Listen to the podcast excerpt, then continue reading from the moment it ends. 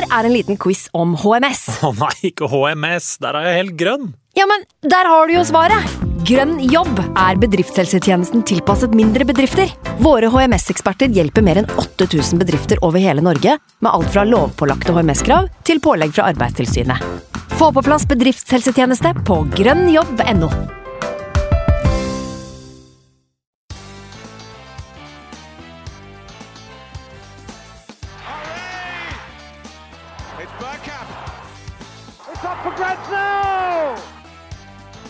next station is Arsenal.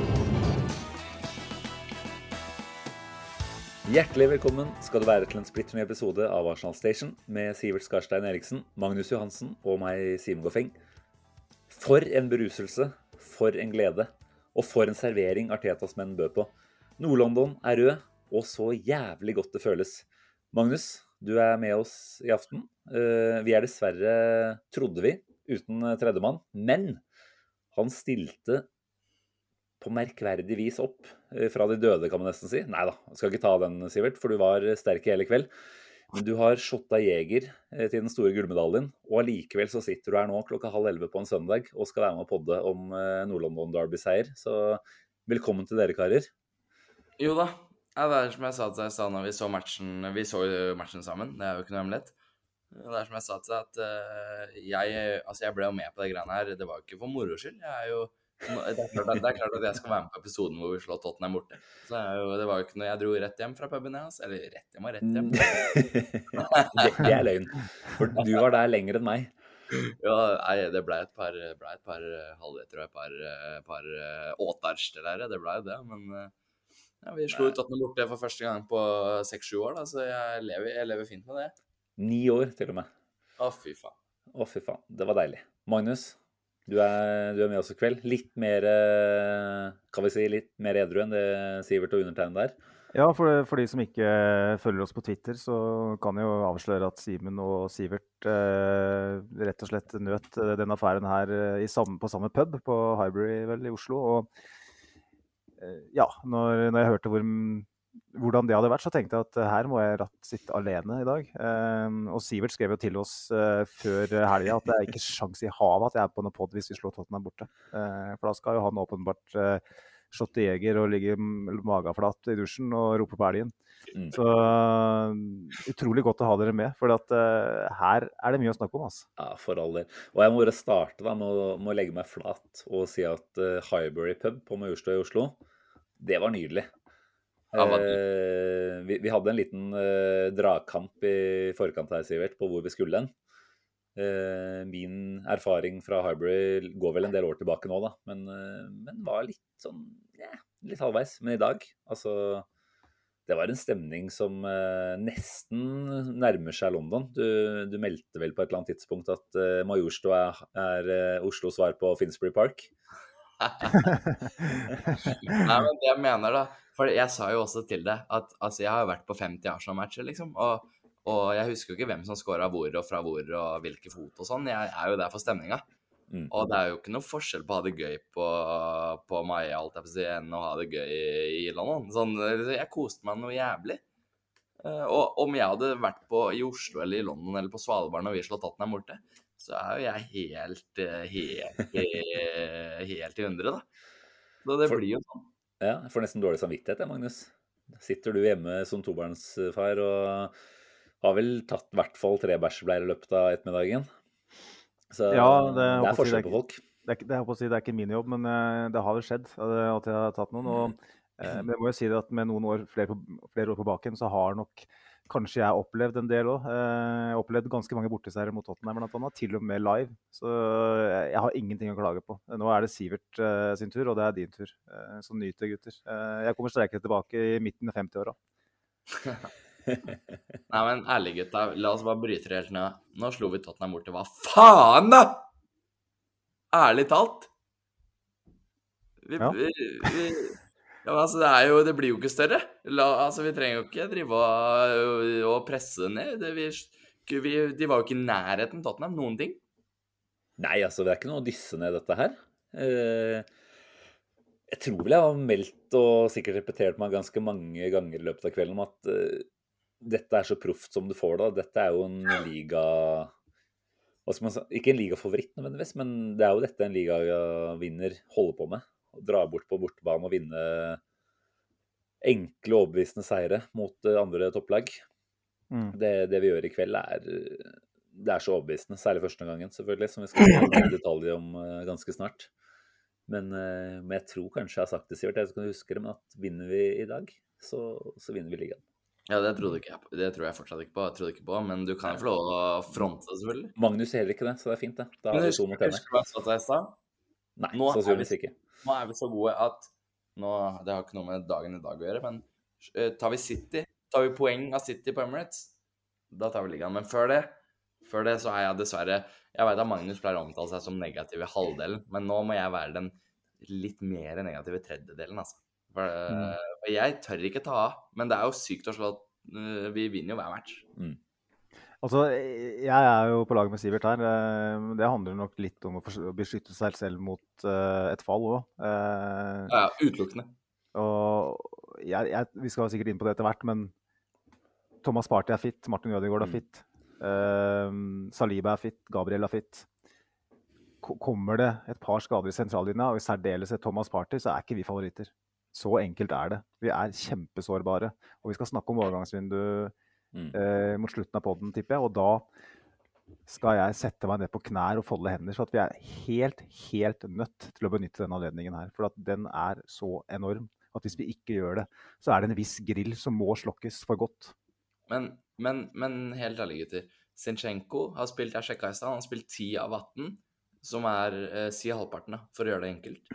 Eh, eh, Jesus er ute, Smith-Roe er ute. Eh, vi, men på tross av det så har vi vært heldige med skader denne sesongen. her. Ja, ja. Det er lov å si at vi er i en flyt, eller? Ja, ja, altså når, når den uh, goalen vi får på 1-0, det er jo det er flyt, det. Det går ikke an å bli flyt. Og da var det en liten del av meg som tenkte det her er vår sesong. Når han, Ja, eh, i like måte, ass. Obligatorisk Loris-tabbe. Det er vel en i hver match omtrent. Jeg tenker at det er helt målrettet at man går mot den, eh, den muligheten der. Altså, jeg må jo bare si, gutter, at jeg hadde jo 200 kroner på Arsenal minus 1 i dag. Jeg var jo skråsikker. Jeg visste at vi skulle vinne med to eller flere.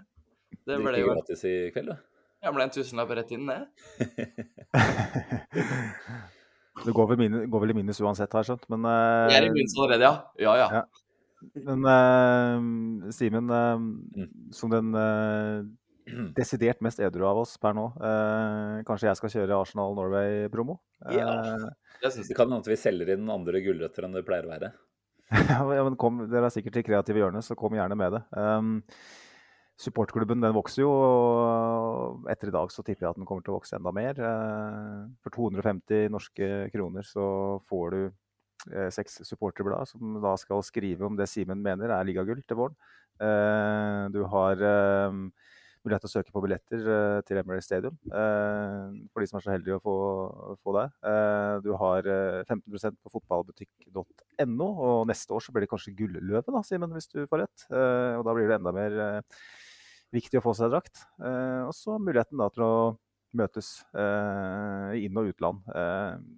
Hvis vi ikke skal til London i, i mai, hvis det skulle skje noe veldig stort, Nei. så skal vi iallfall sørge for at det blir et møte et annet sted i Norge. Eh, det, det skal markeres. Og det å være medlem i supporterklubben da gir deg tilgang Mm. til århundrets fest, da, i, i så tilfelle. Og kanskje vi skal slutte å snakke om ligagull nå med en gang. Eh, men eh, det, det, er min, det er mitt innsalg i dag. Har dere noe å legge til?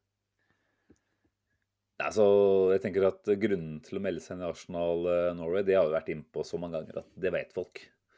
Jo, jo. Eh, men, men jeg syns jo kvelden i dag, da, altså søndag kveld, på, på Hybrid i Oslo, blir nok en uh, måte å bare bekrefte hvor ekstremt deilig det fellesskapet som uh, norske Ars- Arsenal-supportere byr på her, da.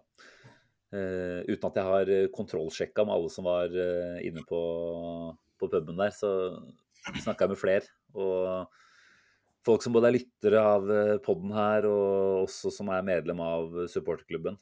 Og det, det, er liksom, det, det er disse folka her man har lyst til å, å treffe på når anledningen er som i aften, da. Mm. Vi kan jo, du kan jo spinne videre på den. da. Vi møtte jo flere karer i dag Ja, ja, Som, som sa de var fastlyttere av poden. Ja, det var stas, det.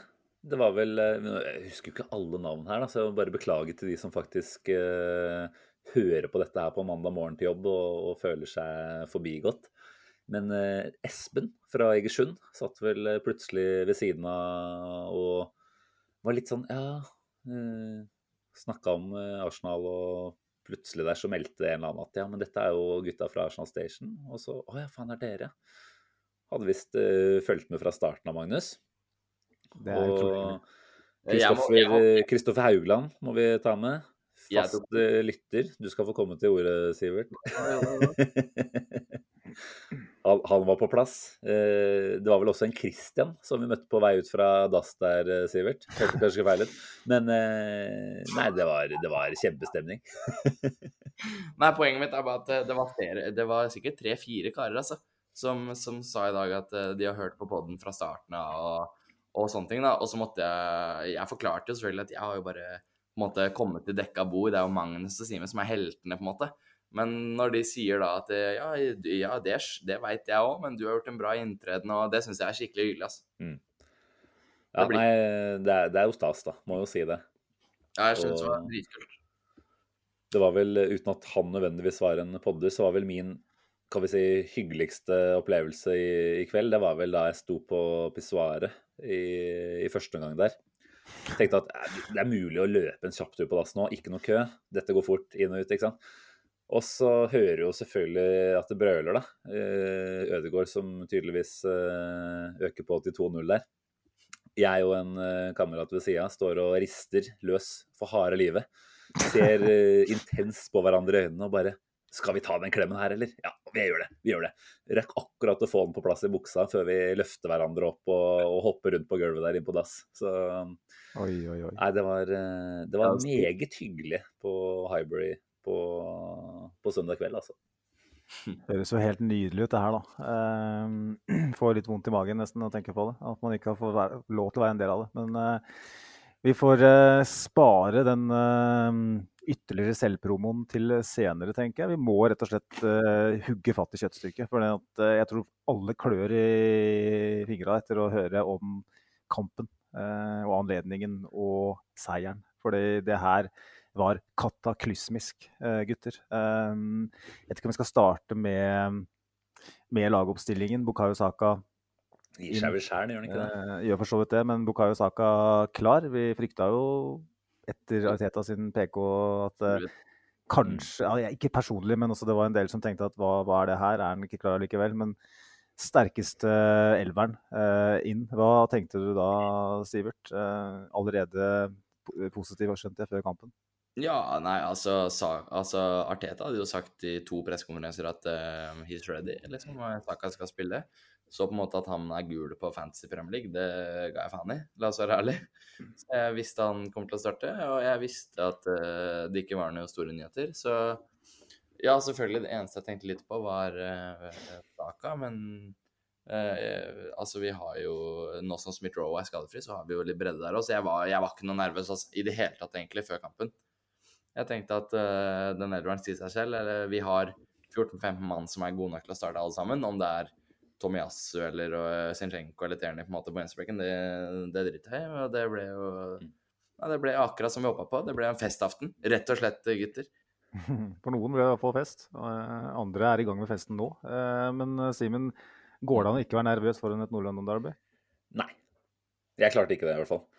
Og det bygger seg jo opp inn mot eh, kampstart. Altså Selv om man prøver å avhjelpe nervene med øl og diverse andre alkoholenheter, eh, så, så går det ikke. Altså Jeg satt jo der og Vet ikke når jeg landa på setet ved siden av deg, Sivert. Det var vel en tre kvarter før kampen eller noe sånt. Ja, kvart på fem, eller? Jeg begynte, begynte jo å kjenne, kjenne at det, det var litt ubehagelig. Jeg må jo være så ærlig.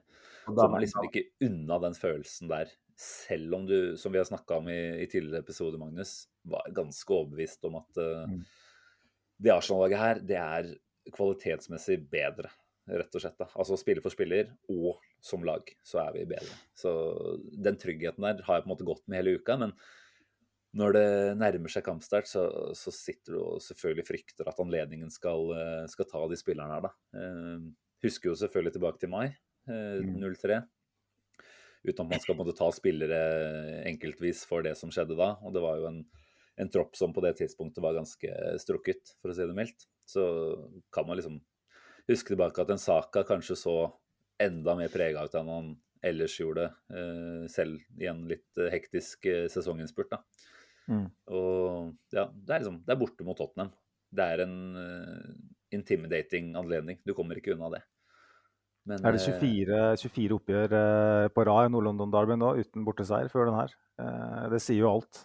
Ja, kan det være så mange? Vi vant i 2014. Så det er da mulig at dette- at ni overdriver, altså. ganger to, da. Men, Ja, jeg vet ikke om det er noen cupmatcher inne i bildet der, men men uh, si det er ett underkant av 20, da, minimum. mm, Det er jo Ja. Vi har jo snakka mye om det, at eh, hjemmebanefordelen er så massiv at, uh, at den vil spille oss et pluss. I tillegg snakke om at det er et derby.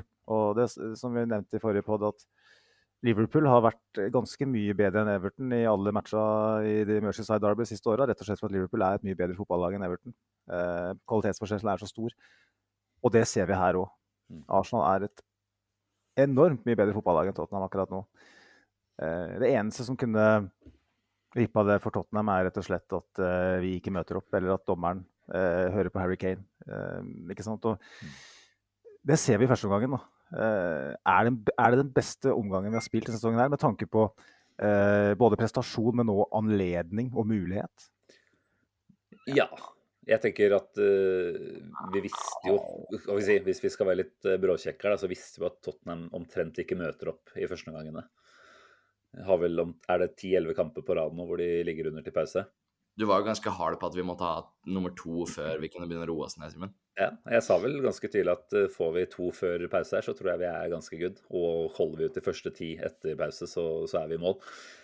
Uh, men, men det er jo merkverdig da, at Tottenham på en måte gang etter gang klarer å være så til de grader langt unna å møte opp uh, til kampstart. Vi kan jo bare takke og bukke for det, selvfølgelig. Men, eh, men vår førsteomgang, eh, eller evne til å produsere i førsteomgangene, og Tottenhams tilsvarende mangel på sådan, da, det gjør at man var ganske, hadde ganske troa på at dette her skulle kunne gå eh, hvis vi fikk utdeling. Så kan vi jo diskutere om det var vi som fikk utdeling, enn det var en uh, møkkdårlig Tottenham-keeper som hjalp oss, hjalp oss dit. Da. Men nei, altså, første gangen vår var outstanding. Det var eh, kanskje Vi kan vel si sånn alt tatt i betraktning, Magnus, at det var eh, omtrent det beste det vi leverte der. Ja, det var um, Og når du snakker om tilfeldigheter og absolutt kjempetur på skåringa, så er det ikke slik at vi ikke hadde andre sjanser. Ketia hadde jo en ganske tidlig hvor Martinelli gjør veldig god innsats i å stusse bakover. Um, og Eddie òg. Veldig smart bevegelse. Eh, I stedet for å angripe ball, så venter han til han dropper.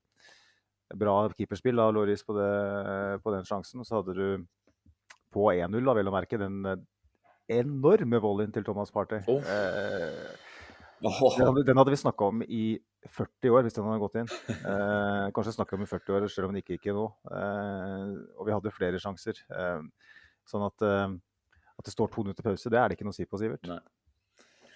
Nei, det er altså Altså, vi, vi kjører over Tottenham, og Altså, jeg var jo litt eh, bråkjekk Altså, jeg var jo Jeg tok jo et par øl i går òg, og jeg var litt, eh, litt eh, bråkjekk på kvelden her og sa at uh, vi har ingen unnskyldninger Uh, hvis vi skal vinne ligaen, som folk driver og prater om.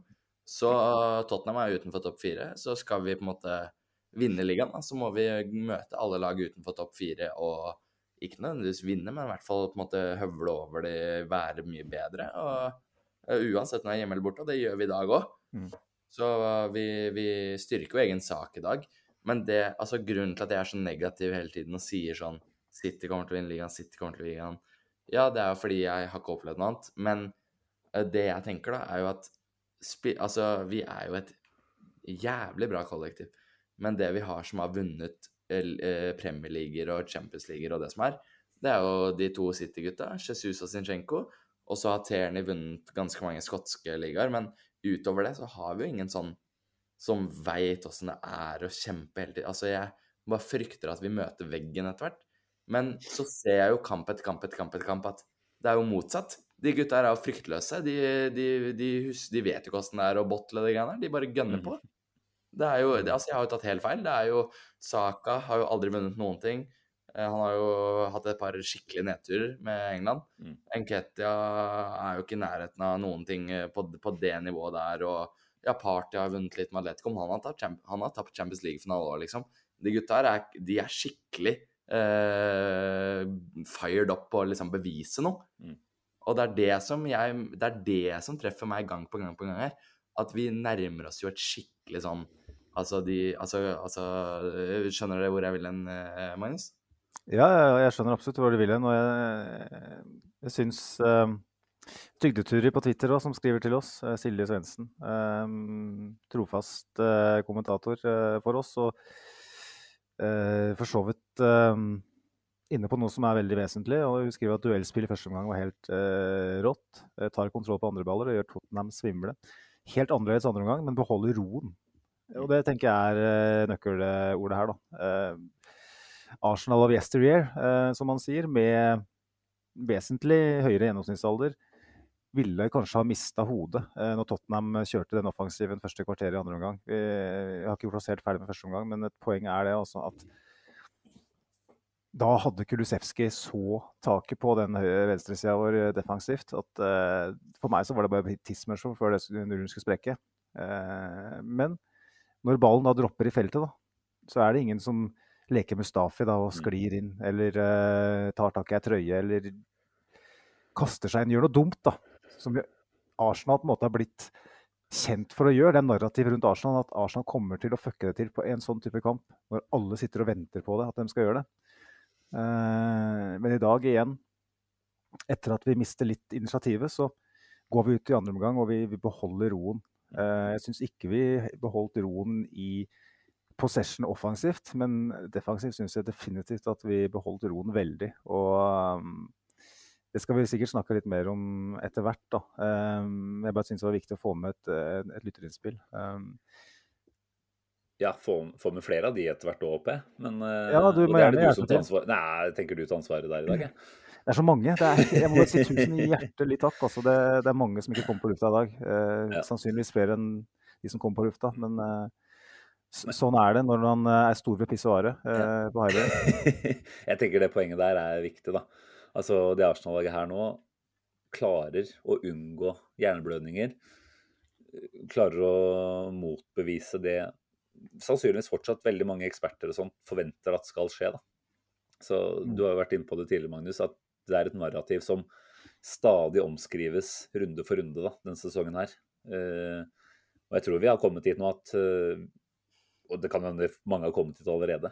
Det Arsenal-laget her, det er different breed. Altså, det byr på det byr på en modenhet og en profesjonalitet da, som vi ikke har sett på nesten to tiår, egentlig. Mm. Uh, og det er helt latterlig å tenke på, med tanke på at vi er det yngste laget i ligaen ved siden av Southampton. Og det er et lag som kjemper eh, med nebb og klør mot å unngå nedrykk. Og her er vi åtte poeng foran uh, nummer to på tabellen. Altså, det, det er ikke til å tro, liksom, det vi holder på med denne sesongen her. Og spiller for spiller, så, så er det så Ja, hva skal man si? Det er, det er nesten perfeksjon eh, hvis du går inn på hver enkeltspiller og ser på hva de har holdt på med denne sesongen her. Eh, og Arteta har jo helt åpenbart klart å sørge for at denne gjengen her har senka skuldre og ikke føler det presset som sannsynligvis vi eh, supportere går og kjenner litt på nå, da. Naturlig Mm. nok, når man er på toppen av tabellen. Men, eh, men det har Arteta klart å avvæpne til en, på en fantastisk måte. Så nei, er imponert. Fleskespurven er jo òg på i dag, i likhet med Trygdeturi, en som er eh, veldig eh, lojal eh, med å kommentere. Og vi må jo gratulere han med 40-årsdagen, gutter. Oi, Tenk gratulerer med dagen. feire 40 år. Tenk å være fleskspurv og vinne eh, borte mot eh, spurvene på 40-årsdagen sin. Jeg håper han blir hakket feitere i aften, altså. Han skriver jo. Ja, gjerne. Bare la det ese ut. Det har du fortjent i kveld. Og um, han skriver at han har fått billetter til Arsenal Palace av samboeren. Så det er flere som har hyggelige samboere. Bra. Eh, Tidenes bursdag, eller? Eh, og så refererer han til en viss eh, drammenser. Eh, som vel satte sitt åttende ligamål i dag, eh, Sivert. Og han eh, spør eh, rett og slett uh, Skårer Martin 15 ligamål eh, for Arsenal denne sesongen? her? Har han åtte nå, eller? Ja, det var det akkurat det jeg sa. Ja, men jeg er jo Ja, ja ikke Eh, jo, eh, men, eh, nei, men eh, om han skårer 15 ligamål eller ikke Han er jo i hvert fall siden VM-pausen, da, så er han hvert fall beste spiller hver eneste kamp. Eh, og han eh, Jeg har jo en liten knapp på Zinchenko som, som banens beste selv i dag, men eh, man of the match offisielt er jo Ødegaard. Eh, og han fortsetter der han slapp på en måte forrige match og forrige match og forrige match. Og skal han begynne å være vår kaptein og levere på det nivået her hver kamp, da er det jo mulig å prate om at han er helt der oppe sammen med de aller beste vi har hatt. Og det høres dumt ut fordi han er fra Drammen, eh, 40 minutter unna der jeg vokste opp, men uh, det er jo bare sant. Snikskryt. Snikskryt, ja. Det er fint på Tjøme, altså. Nei, men, nei, men, nei, helt ærlig, med det nivået han leverer nå, det er jo det er så dumt. Det er altså han er- ah, Og altså, han, altså tidligere så har han på en måte diktert kampen, øh, vært god, øh, alt det greiene her. Men nå er han jo Han har jo ja, åtte goller og flest, og ja, om ikke flest, mye målgivende og Altså, det er jo Martin Målpoeng, skal jeg begynne å kalle han. Han eh, avgjør jo hver kamp for oss. For å svare enkelt og greit på spørsmålet der, så vil jeg si ja. Jeg tror han eh, kommer opp i 15. Jo, jeg kunne jo selvfølgelig svart ja og nei på det, ja, men det er ikke det jeg er ute etter. Jeg er ute etter å ha Euro, altså, Europas beste åtter i laget mitt. Jeg driter i hvor mange mål han skårer. Nummer åtte og åtte poeng foran. Eh, Det er en viss uh, poesi ved, ved det her, gutter. Og jeg må bare si det at eh, nå si, snakkes det om hver eneste runde av Martin Ødegaard, den beste, beste spilleren i Premier League. Det, det er surrealistisk. Og jeg må bare si den første omgangen i dag, så eh, Det er mulig at Zinchenko og, og kanskje Ramsdale òg har vært vel så gode i dag, men ikke første omgangen. Da var Martin Ødegaard kongen på den banen. og er Fins det en spiller per nå som er mer komfortabel med, med bein, ballen i beina med press? Eh, Altså, han kommer seg ut av enhver lille telefonkiosk eh, fylt av elefanter. Det er helt utrolig å se på. Eh, Jeg vet ikke hvor mange ganger han hadde to-tre Tottenham-spillere rundt seg ute på høyreflanken der i første omgang, og han ikke bare drar ned av, men han, han har allerede orientert seg, så han vet hvor Ben White er, eller Saka er. Ofte går jo Saka da inn ikke sant? og tar med seg ballen med venstrefoten, og så går eh, White på, på utsida. Ben White, han vet, nei, Martin Ødegaard han vet hvor Ben White er, han vet hvor uh, Bukayo Saka er, og han vet hvor uh, eh, Party er, ikke sant? og ikke minst han vet hvor målet er. Uh, han hadde jo to uh, Han hadde én avslutning først. Ganske lignende situasjon, egentlig. Eh, Skjøt nede i samme hjørne hvor, eh, Joris er nede og, og, og redder. Han skyter og skyter og skyter. Eh, og han, han skaper, og han er er, altså er det, er det, er det litt, litt sånn eh, nisselue på å si at han er Premier Leagues beste spiller? Nei, det, det har vi landa på at eh, vi ikke kan eh, beskyldes for. Har vi ikke det? Jeg trodde vi snakka om det her eh, både en og to uker tidligere. At altså Arsenal eh, Nei, du var kanskje ikke det. Men altså det Ødegaard holder på med nå, og det Arsenal holder på med nå som lag, gjør at man kan ikke unngå å dra den eh, betegnelsen der, tenker jeg. Når det er lett, lettere å si nå, selvfølgelig, når Haaland også har begynt å tørke opp litt etter VM-pausen, kanskje. Men, eh, men det er et eller annet med det, det Ødegaard bidrar med inn i totalen for Arsenal, kan vel ganske tydelig si at det er mer enn det Haaland bidrar med inn i totalen hos City. Selv om han skårer mange flere mål, naturlig nok. Så er Ødegaard eh, katalysator for alt som skjer da, offensivt i Arsenal. Og defensivt, egentlig. Så komplett, faen meg. Han er så komplett. Og dette med skudd, da, som vi snakker om nå, altså, han tar mange av de skudda. Og jeg syns det er så gøy, fordi det gjør jo at eh, forsvarere i større og større grad også må ut og støte på han. Og det vet vi at kommer til å medføre at han får flere åpninger og rom og spille geniale pasninger i også. Så jeg syns den utviklinga er så artig å se hos han. da. For det, ja, nå ser vi i dag at det faktisk gir direkte omsetning i, i mål også.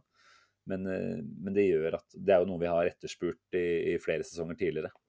At Arsenal ikke er en fare fra utenfor 16, egentlig. Fordi alle motstandere vet at her skal uansett ballen inn i femmeteren omtrent. Men nå er, det, nå er det farer fra godt utenfor 16 som gjør at uh, rommene kommer til å åpenbare seg i, i, større grad også resten av sesongen. Da. Selv om det var lag Mm. som, som kommer til å ligge bakpå og, og ta imot, så veit jeg at nå har Arsenal Party, de har Sjaka, de har Ødegaard, som kan fyre inn den ballen fra 20. Og da, da, må, da må de ut og støte, da. Enkelt og greit. Og um, Thomas Party um, spiller jo en viktig rolle i begge skåringene. Det er han som åpner opp uh, høyrekanalen uh, begge ganger der. Um, på den første skåringa så var det en, en litt sånn klassisk uh, partyball over det topp mot uh, Saka. Den andre så var det jo først Saliba der som vinner en, en hodeduell. Og Party feilvendt på to touch klarer å bare vende opp og slå den i rom til, til samme Saka. Men Party gjorde mye rart den første omgangen. Det var en tre-fire over der eh, som, så, som var farlige. Det, det var sikkert Jeg følte ikke det. ikke hen. Jeg skjønner ikke hvor du vil hen. Nei, men altså, jeg, jeg er ikke her for å ta party, for jeg mener han er den viktigste spilleren vår. Og det skal Ja, vi beste snakke litt om. spiller uh, tvil. Men, Ja, ja. men tre-fire sånne farlige tvers over, det, det kan ikke jeg huske. kanskje tre-fire. Han har tre-fire feilpasninger som er veldig Jeg skal synes at jeg var tre-fire ganger i barnet til Jeger òg.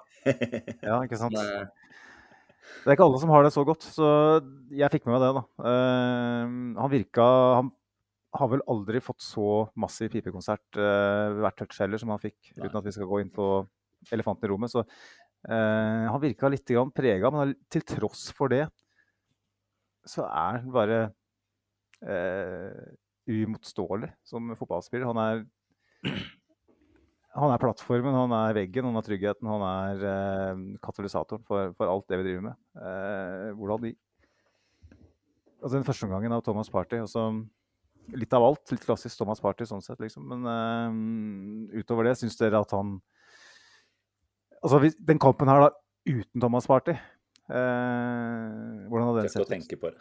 Nei, nei, men Det er interessant, for at eh, det er en kamp hvor han er litt sånn off the boil i mine øyne. da. Allikevel så tripper han opp med to moments som eh, gir oss to mål, og han har en tidenes uh, volley i tverra. Mm. Eh, så den midtbanekonstellasjonen der da med, med Ødegaard Ja, og Sinchenko. Så skal ikke glemme Granit. Eh, men eh, Sivert, du skal få lov til å snakke litt om Sinchenko, tenker jeg. fordi at eh, det han bidrar med i det midtbaneleddet, eh, hvor viktig er det for eh, måten vi låser opp eh, dype blokker på? Jo, altså, jeg mener jo helt ærlig at Zinchenko var vår beste spiller i dag, men jeg skal ikke la deg slippe unna med den der partyslanderen. Altså, Det er ikke slander, det her, da. Det er bare det faktum at han hadde tre skal vi, skal gå, Mens du prater om Zinchenko, så skal jeg gå og sjekke på pasningsprosenten til Thomas Party. Nei, men det, det jeg har lyst til å si om Thomas Party, er at altså, i det miljøet vi spiller i dag, at han blir bua på hver gang han rører ballen. Så lever, altså, hver, altså hver eneste touch blir bua på, men allikevel så leverer han liksom en av de aller beste uh, Ja, altså, han, han styrer jo alt i dag, liksom. Altså han, og, han leverer liksom den, den kampen der på min Altså, jeg mener jo han og Sinchenko var de to beste, så jeg vet ikke helt hvor du kommer fra. Men uh, uh, altså, ja, han hadde et par dårlige pasninger tidlig. Eh, men det er, jo, det er jo altså, Det kan jo være at han følte litt på presset, og at han ble bua på. Ja, ja. Det er litt poenget, da. ja, han hadde jo bra Eh, er Som på en måte eldre statesman i, laget. eh, lot seg prege eh, med en haug med unggutter rundt seg. Og så allikevel så klarer han å spre den tryggheten inn i, i laget. Ja, og så så du jo også Party Nei, Sjaka var jo også på en måte og, og var tryggheten bak Party hvis han, gjorde, hvis han var uheldig og gjorde en feil, som han selvfølgelig gjorde et par ganger. Jeg husker et par av de, men eh, han hadde jo, han hadde jo en bra match. Det er jo ikke, det er jo ikke matchen han nevner at han var eh, svak på. Nei, nei, det er ikke det som er poenget mitt heller. Poenget mitt er at til tross for at han eh, er litt wobbly i første omgang der, så, så byr han allikevel på den tryggheten. Og han reddes i alle fall ved en anledning av Granit Xhaka, som, Ja, som en- er der. ikke sant? Og det er liksom den dynamikken som er på midten nå, den er helt spesiell. Jo, eh, da er vi mer enige enn jeg trodde, fordi altså, Party leverer en bra kamp. Men, men ja, Sjaka Beller han ut av et par av situasjonene, men han, han altså, Shaka, altså Party er jo vår mest eh, på en måte consistent eh, spiller. Altså Han leverer jo hver eneste Han har jo Uten at jeg har sett på statsa, jeg driter i stats egentlig, han leverer over sju på børsen hver eneste kamp. Det, det syns jo Deilig liv. Vi bare driter i statsa. Ja, men hva, hva Soccer Score mener om Party, bruker jeg meg om. Han Nei, men også, altså, han, eh, han, han eh, treffer på 92 av eh, pasningene, så jeg har ingen sak. Mm. Men eh, Han hadde i alle fall en tre-fire pasninger i dag som jeg mener lett kunne vært unngått uh, å havne til en Tottenham-spiller. Uh, par dypt inn på egen halvdel. Uh, så jeg var litt sånn at er, er han ikke helt på her i dag? Og så spiller han seg bare opp og opp og opp og blir bare bedre og bedre utover i, i matchen. Men, men, for å plukke opp der du begynte, på Zilchenko, så syns jeg, og Party egentlig, og Sjaka, egentlig alle vi er innom nå, måten de alltid plukker opp de andre ballene, det syns jeg er helt sykt. Altså, altså hvis vi, ja, helt ekstremt. I hvert fall Zinchenko. Helt ekstremt. Altså, hvis vi mister ballen og taper det litt, så går det åtte sekunder. Boom! Han er på andreballen med en gang. Og så etablerer vi nytt angrep og, og omstiller oss. og Altså, altså Sinchenko han er helt sykt. Måten han, måten han på en måte uh, starter presset, uh, uh, vinner presset, spiller av et ledd. Altså, mm. Sinchenko spilte jo offensiv midtbane i dag, han. Jeg vet ikke hvordan ja. heatmappa han ser ut, det, men han, i hvert fall i første gang der så følte jeg at han var overalt. Altså, han gjenvant vel en ball på en slags høyre ving-posisjon på et eller annet tidspunkt. Ja, helt syk, Jeg skjønte ikke hvordan han hadde kommet seg bort dit, men altså, han vandra og vandra. Og, og, det handler jo selvfølgelig om hvordan laget settes opp, men det handler også om at vi har ekstremt smarte spillere da, som er forut for trekket som kommer til å komme. da. Altså dette er, det er fotball-IQ på skyhøyt nivå på nesten hver eneste spiller på den banen her, om ikke hver eneste. Og selvfølgelig så kan vi da berømme hver enkelt av dem eh, behørig, men, eh, men, det er noe med at uh, igjen, Arteta setter opp den gjengen her til at de skal, de skal absolutt kunne klare å, å få ut den uh, kvaliteten sin da, i hver eneste kamp. Da. Der, Men uh, bare, bare, for, bare, for, å avslutte det segmentet, så uh, husker jeg den ene situasjonen da, med hvor Party spiller bort ballen og Sjaka redder den. Første Sjaka gjør, det var der. Han blir rett bort til Party mm. og bare klapper han på ryggen. Og liksom sånn Yes, I got this dude. Uh, og det er liksom Gamle Arsenal uh, ville da kanskje brukt kjeft, ikke sant. Det, det, er en sånn kultur Det er en sånn dynamikk både, både ferdighetsmessig på midten, uh, relasjoner og ikke minst det mentale, som er bare mm. helt spesielt. Og vi sa det vel i forrige pod, Simen, at Tottenham har egentlig ikke sjanse mot Arsenal pga. den plattformen vi har på midten. Og jeg føler i første omgang så ser vi nettopp det. Altså. Mm. Ja, altså, ja, altså jeg, jeg, skjønner bare ikke hvor god Zinchenko er. Altså, jeg ser jo på Premier League, jeg ser på alt av matcher, og jeg syns han var god i City også. Det er ikke det. Og mm. jeg, jeg visste at vi hadde en spiller liksom i henda. Uh, men altså, at han er så, så jævlig god, liksom. Altså, husker dere i første gang der hvor han drar av Dockerty, og så spiller han inn i leddet på Sjaka? Uh, altså Drar av med venstre og spiller ja. med høyre? Ja, og så spiller Sjøen videre ut i saka der, og så starter et angrep. Stemmer. Altså, det er sånne ting som uh, altså Zinchenko gjør uh, hver eneste kamp, som på en måte blir litt undersnakka. Uh, hvor mange andre venstrebacker i Premier League er det som gjør det? liksom? Kanskje Cancelo er dritgod, liksom, men utover det altså vi, Zinchenko er jo, han er jo helt Altså, jeg satt jo det, det, vi så jo kampen sammen, men jeg satt jo den første halvtimen og var sånn Fy faen, Zinchenko gjorde det. Zinchenko gjorde det. og Zinchenko gjorde enda en ting som var helt sykt, liksom. Så hver bra involvering fra Zinchenko måtte feires med en jeger. Så det, ble, det var derfor det ble så fuktig i kveld. Det er klart at det blir et par jeger da når han er banens beste. Ja, men, men altså, jeg sitter og har en compilation oppe her. Jeg lurer på om jeg nesten bare skal ta en to minutters pause bare for å se meg gjennom den. For det, nei, det er, altså, han er jo en midtbanespiller, det har vi jo snakka om før. Uh, han er plassert på en lagoppstilling som venstreback, men han er så vandrende og bidrar til å lage så mye ubalanse da, hos uh, motstandere.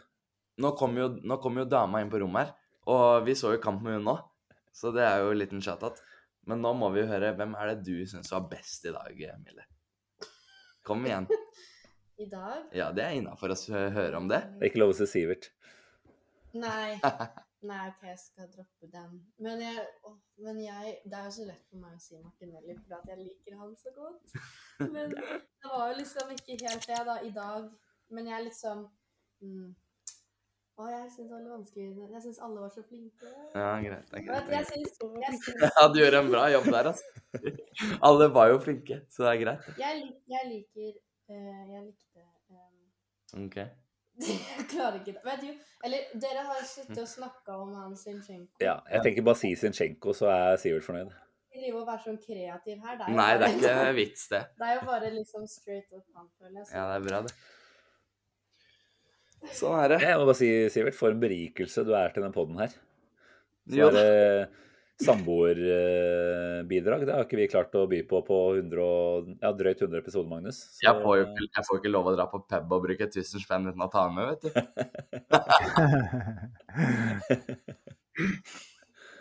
Nei, men da, da er vi enige, da. Sinchenko slash Ødegaard, de ser nesten like ut. De får BB på deling.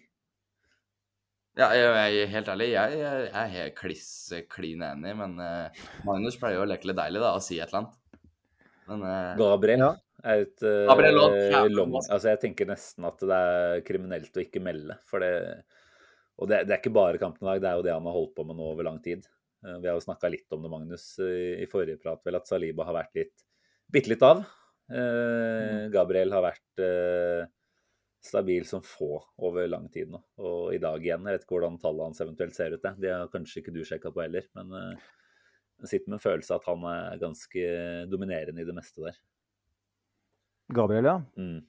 Uh, han Nei, men det, det, det går eh, bra. Trenger ikke tall. Vi kan bare Nei, du får ikke, jeg tror ikke, du, tror ikke du får det heller, for jeg har ikke hatt tid til å Som bleieskiftearbeider så er det ikke så mye tid etter match. Men det det Jeg syns jo på en måte at uh, litt sånn som uh, offensivt òg, så ser du kanskje at det er noen uh, som veksler litt på å ha en dominant rolle i laget. Da. Sånn må det være et, et lag som utfordrer om store titler. Altså, jeg synes jo at i første halvdel av sesongen så var det veldig mye venstresida av angrepet vårt som var, eh, som var katalysator for det vi gjorde offensivt, med Gabriel Jesus og Martinelli. Jesus er ute. Martinelli syns jeg ser prega ut. Jeg syns han rett og slett var svak i dag. Eh, og det, det sier ganske mye, et sånt lag. Eh, og samme, på samme vis kan du si at Ødegaard eh, nå utover i sesongen spiller seg opp. Sammen med Saka på høyresida. Det, det spådde vel vi i poden òg, at med Jesus, Jesus ut, så kom høyresida vår til å ta ansvar, og det har han gjort. Og når det gjelder Forsvaret, Saliba var konge, gud, president, keiser hele veien i første ikke første halvdel, men også før VM-pausen. da.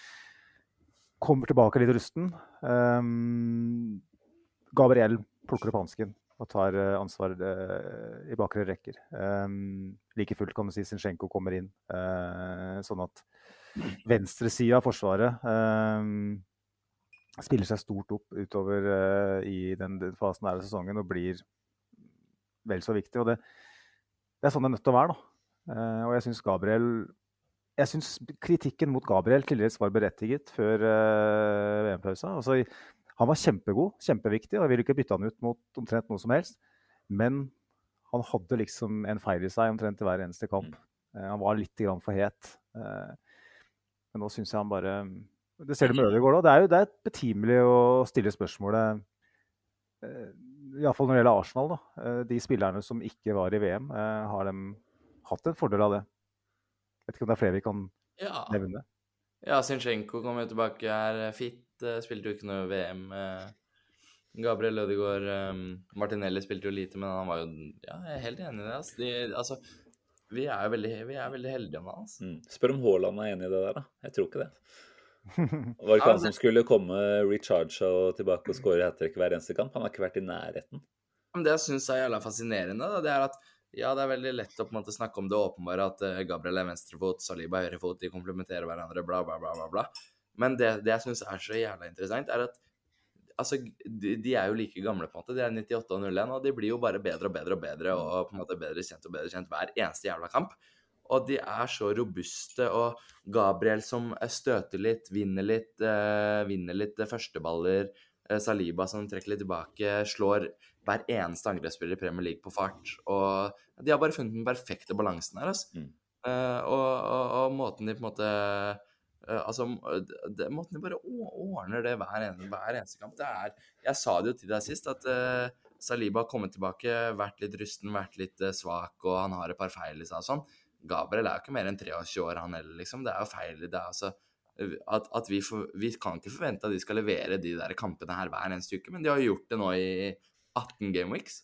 Ja, så er det jo litt sånn at hvis én kanskje har en dag som ikke er helt ti av ti, så har stort sett den andre det.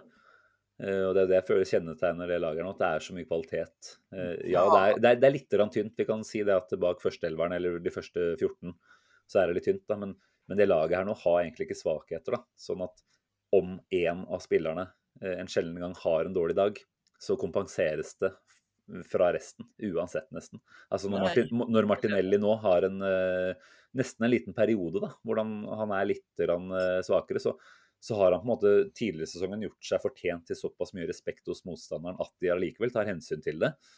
Eh, og dermed er det på en måte rom nok og muligheter nok hos resten av gjengen. På et eller annet tidspunkt snart så tipper jeg vi kommer til å se at å ja, nå har motstanderne sett at Saka produserer i hver eneste kamp igjen. Så blir de litt venstrefokuserte fra sitt forsvarsspill.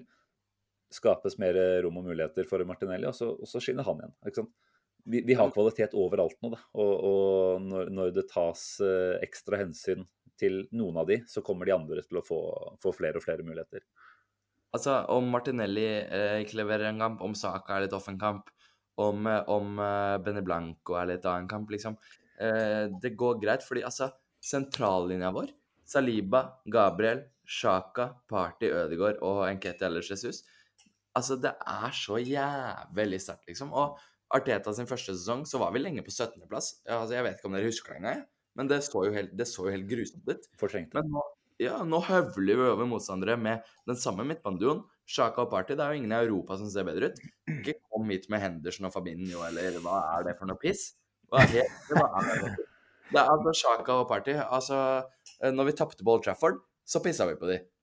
På, I Southampton så pissa vi på de òg. Og, og mm. Newcastle nå sist var vi dritgode. Det er sånn, Vi høvler jo over alle lag i England. Sånn, om, om, vi vinner 4-0 eller spiller uavgjort eller taper eller Det driter jeg i. Vi er mye bedre hver eneste kamp. Og det er det, helt ærlig, gutta, det er jo det vi har, har vært keen på i så mange år.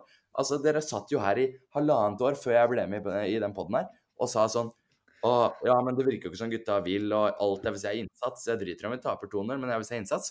Vi ser innsats fra første minutt til 95. minutt hver eneste uke nå, liksom. Det er helt, altså, nå spiller jeg meg opp, selvfølgelig, på, på Jegerne. Det hører dere jo.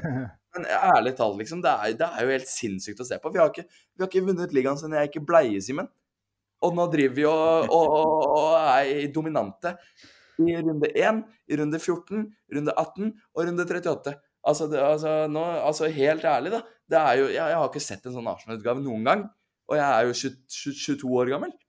Og så, og så tenker altså, jeg det, bare for, ja, bare for å liksom understreke hvor sterkt det er. da, altså, Vi kan selvfølgelig Noen vil sannsynligvis finne argumenter for at uh, denne Liverpool-utgaven, denne City-utgaven har svakheter og alt det der. Men, men, ja, ja, men poenget, mitt, poenget jeg skal fram til, er at Premier League som helhet er sterkere enn det har vært på noe som helst tidspunkt, egentlig. Altså, disse sjetteplass til tolvteplass-laga er jevnt over dritgode. Arsenal går ut og egentlig herjer med alle, da, bortsett fra Leeds eh, på bortebane, som vi har slitt med. Så jeg tenker at den sesongen her er liksom Det å stå igjen som nå Hva er det vi har gjort da? Vunnet eh, 15 av 19 eller noe sånt? 15-18? Jeg vet da faen, jeg. Men eh, det, er altså så ekstremt sterkt, det som altså, her nå. Nå i nyere tid, da. Vi møter Brighton borte med nyttårsaften, og ja, jeg så ikke den kampen så nøye, jeg var ute på vift. Poenget er at vi dunker fire goller forbi de. Mm. Og så og vi, og vi tenker ikke noe over det. Vi tenker ja, det er en ny kamp, og vi var ikke så gode som vi kan være. Brighton var gode, sa jeg. Jeg husker jeg sa det på poden. Brighton var gode. Det var en bra kamp av Brighton. Og så stikker Liverpool dit i går. Blir mm. ydmyka. Altså, helt ærlig, det er jo en helt ja. sinnssyk Arsenal-utgave vi sitter og ser på. Altså, Vi skårer fire mot Brighton, og jeg sitter på poden og sier at de er gode. Men altså, la oss uh trekke et pust da, og, og, tenke litt over hva er det som er årsaken til at den utgaven er, er så god, utover at Arteta er en fantastisk coach og at vi har hatt tid osv. Lee Dixon han, uh, sa i et intervju for en del år siden at uh, hvis noen i den fireren der, som spilte hver uke stort sett uh, hele sesongen, hadde en off-day, så var det bare å gå bort til sidemannen og si at jeg føler meg ikke helt på i dag. Da tok min lagkameraten hensyn til det i Dixons tilfelle så var det Tony Adams da, som eh, rett og slett tok en ekstra jobb ved å, å, covre for Dixon når han hadde en dag som var litt off. Hvem var det som covra for Saliba når han hadde et par eh, matcher off her. Jo, det var eh, Ben White.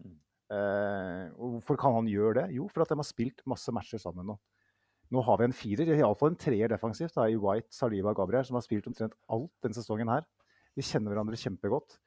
Se, Saliba er tilbake på eh, Om han ikke er Rolls-Royce igjen, så er han iallfall på igjen i dag. Han tar ut de metera hver eneste gang. Han starter den overgangen som vi får en eh, Nei, er det 2-0 på. Eh, han vet at hvis han ikke tar ut de metera, så er Ben White der hver eneste gang. Se på City. Nå kjører de med Akanji og Akay eh, som stoppepar. Starter sesongen vel med Stones og Laporte eller noe sånt. Veksler hele tida. Eh, Pep stoler ikke på Laporte, åpenbart.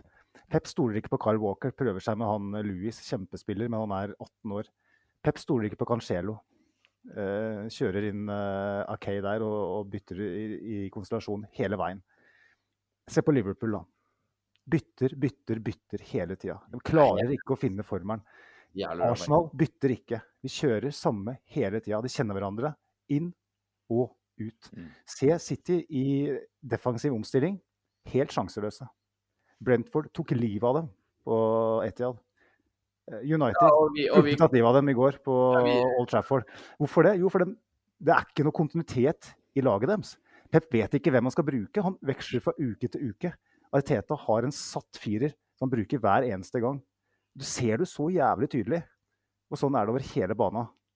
Så hvis vi unngår skader, så vinner vi ligaen. får nesten gåsehud av det greiene der. Altså, helt ærlig, boys. Helt ærlig. Tenk, altså Jeg har mange Tottenham-fans, både fra da jeg bodde i London. Uh, svogeren min, altså mannen til søstera mi, han er Tottenham-fan. Bestekompisen min, Tottenham-fan. Tenk å være Tottenham-fan i dag og, og vite at du møter City på torsdag. Taper dere, altså taper de, så er de fucked. For da er det, da er de ute av topp fire. Da er, det- da er det bare dritt, og alt suger. Slår de City på torsdag, da er de fucked da òg. Da legger de tittelen i hendene våre. Helt ærlig, de, de kan jo ikke vinne. Det er deilig, Simen. Ja, ja, altså For et sted å være. Eh, Jeg er litt usikker, faktisk. Jeg altså, vil selvfølgelig ikke ha Tottenham videre i noe CL og bare bli ferdig med det Conte-eventyret og få Kane vekk og bare sørge for at Tottenham er en middelavsvarer i beste fall. Eh, Men jeg tenker jo at eh, tar de sitt i en av de to kampene her, i hvert fall. Det, det kan vi vel kanskje unne oss å, å gi dem. Jeg tror ikke det, altså. Nei, jeg tror kanskje ikke det heller. Men Det er eh, ikke vits å late som. Det er jo større sjanse for at Brentford hadde slått City over to kamper enn Tottenham.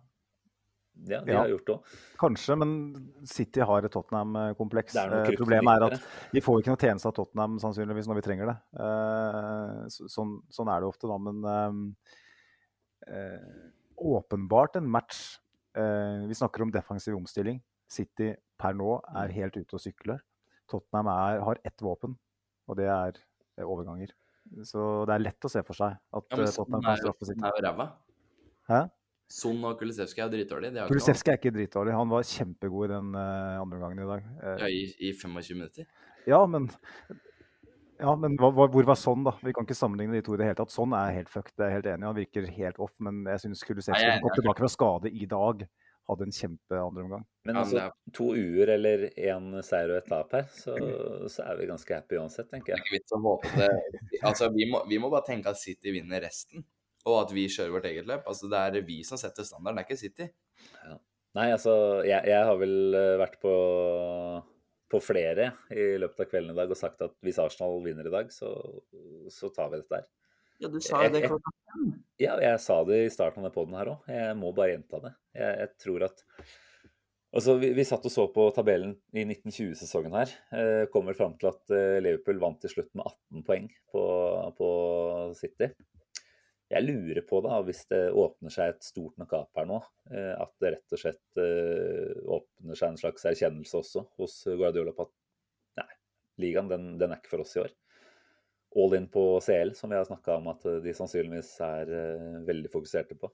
Uh, jeg, har, jeg har så troa, jeg. Jeg må bare si det. Og det, ja, jeg kommer til å bli møkk skuffa hvis det ikke går. Men det har jeg stålsatt meg for, og det har jeg innstilt meg på at det kommer jeg til å tåle. Så herfra og inn, så, så jeg ser på som favoritter. Og jeg ser på hver en, eneste kamp innover nå som en cupfinale. Og at vi prioriterer FA-cup og Europaliga. Og sørger for at vi kan eh, Hva skal vi si? Ja? Nå har vi vunnet 15-18. Eh, hvis vi klarer 13 av eh, Det er kanskje litt tynt å melde 13 av 20, men eh, 15 av 20, da. Da er vi der. Det gjør vi jo ikke. Hvorfor ikke? Nei. Ja, men ærlig talt, Simen. Det er så jævlig enkelt take å sitte og si at City bortprioriterer ligaen og sitte i ski og si det. Ja, men altså, ærlig talt, Det er jo profesjonelle fotballspillere som tjener fem millioner i uka, og som har spilt fotball siden de var syv år, Mm. og som elsker livet sitt og spiller på det beste laget i Europa. De kommer jo til å gå ut som hunder hver eneste kamp og prøve å vinne hver eneste kamp.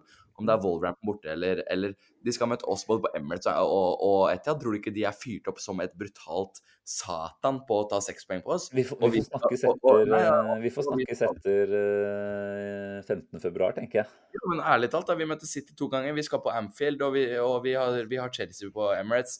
Det her er ikke ferdigspilt. Vi Nei, tenker la oss nei, nei, på ingen måte er det ferdigspilt. Men, uh, men jeg tror at det City-laget her har en eh, litt mindre sult.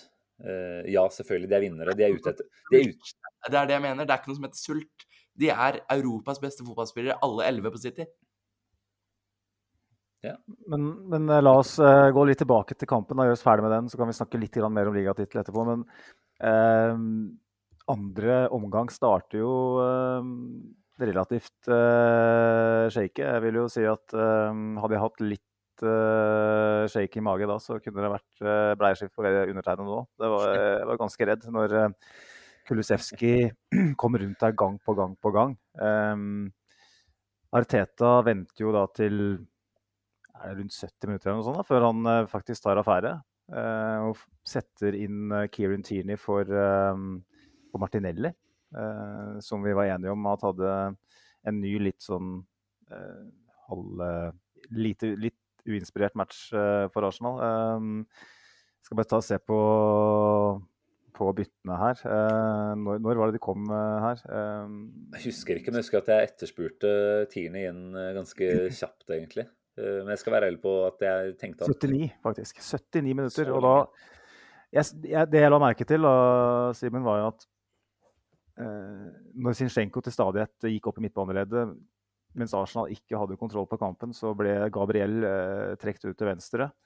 Eh, og Sjaka var også relativt høyt, stort sett, sånn at det, det ble veldig ehm, tell, Det var en tellefeil defensivt, rett og slett. Eh, Kulusevski fikk eh, gå én mot én rettvendt gang på gang. Eh, og jo, hvis det er lov til å være litt kritisk på en, så, en sådan stund, så må jeg vel si at eh, som deg, Simen, at her Det gikk jo bra, da, så det er vanskelig å sitte her og skulle klage. Men jeg mener jo at vi, vi kunne definitivt ha eh, Eller Arteta kunne definitivt ha bytta tidligere. Mm. Eh, og det kunne jo sånn potensielt sett ha kosta oss litt i dag. Eh, er dere enig i det?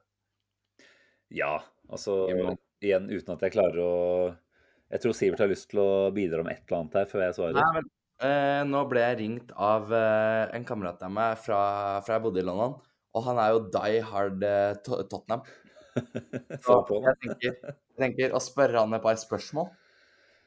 Det for å få litt eh, perspektiver. Det må vi unne oss. Jeg syns jo det. Kjør på, da. Vent litt nå. You there, bro? Hi. What do you think about today?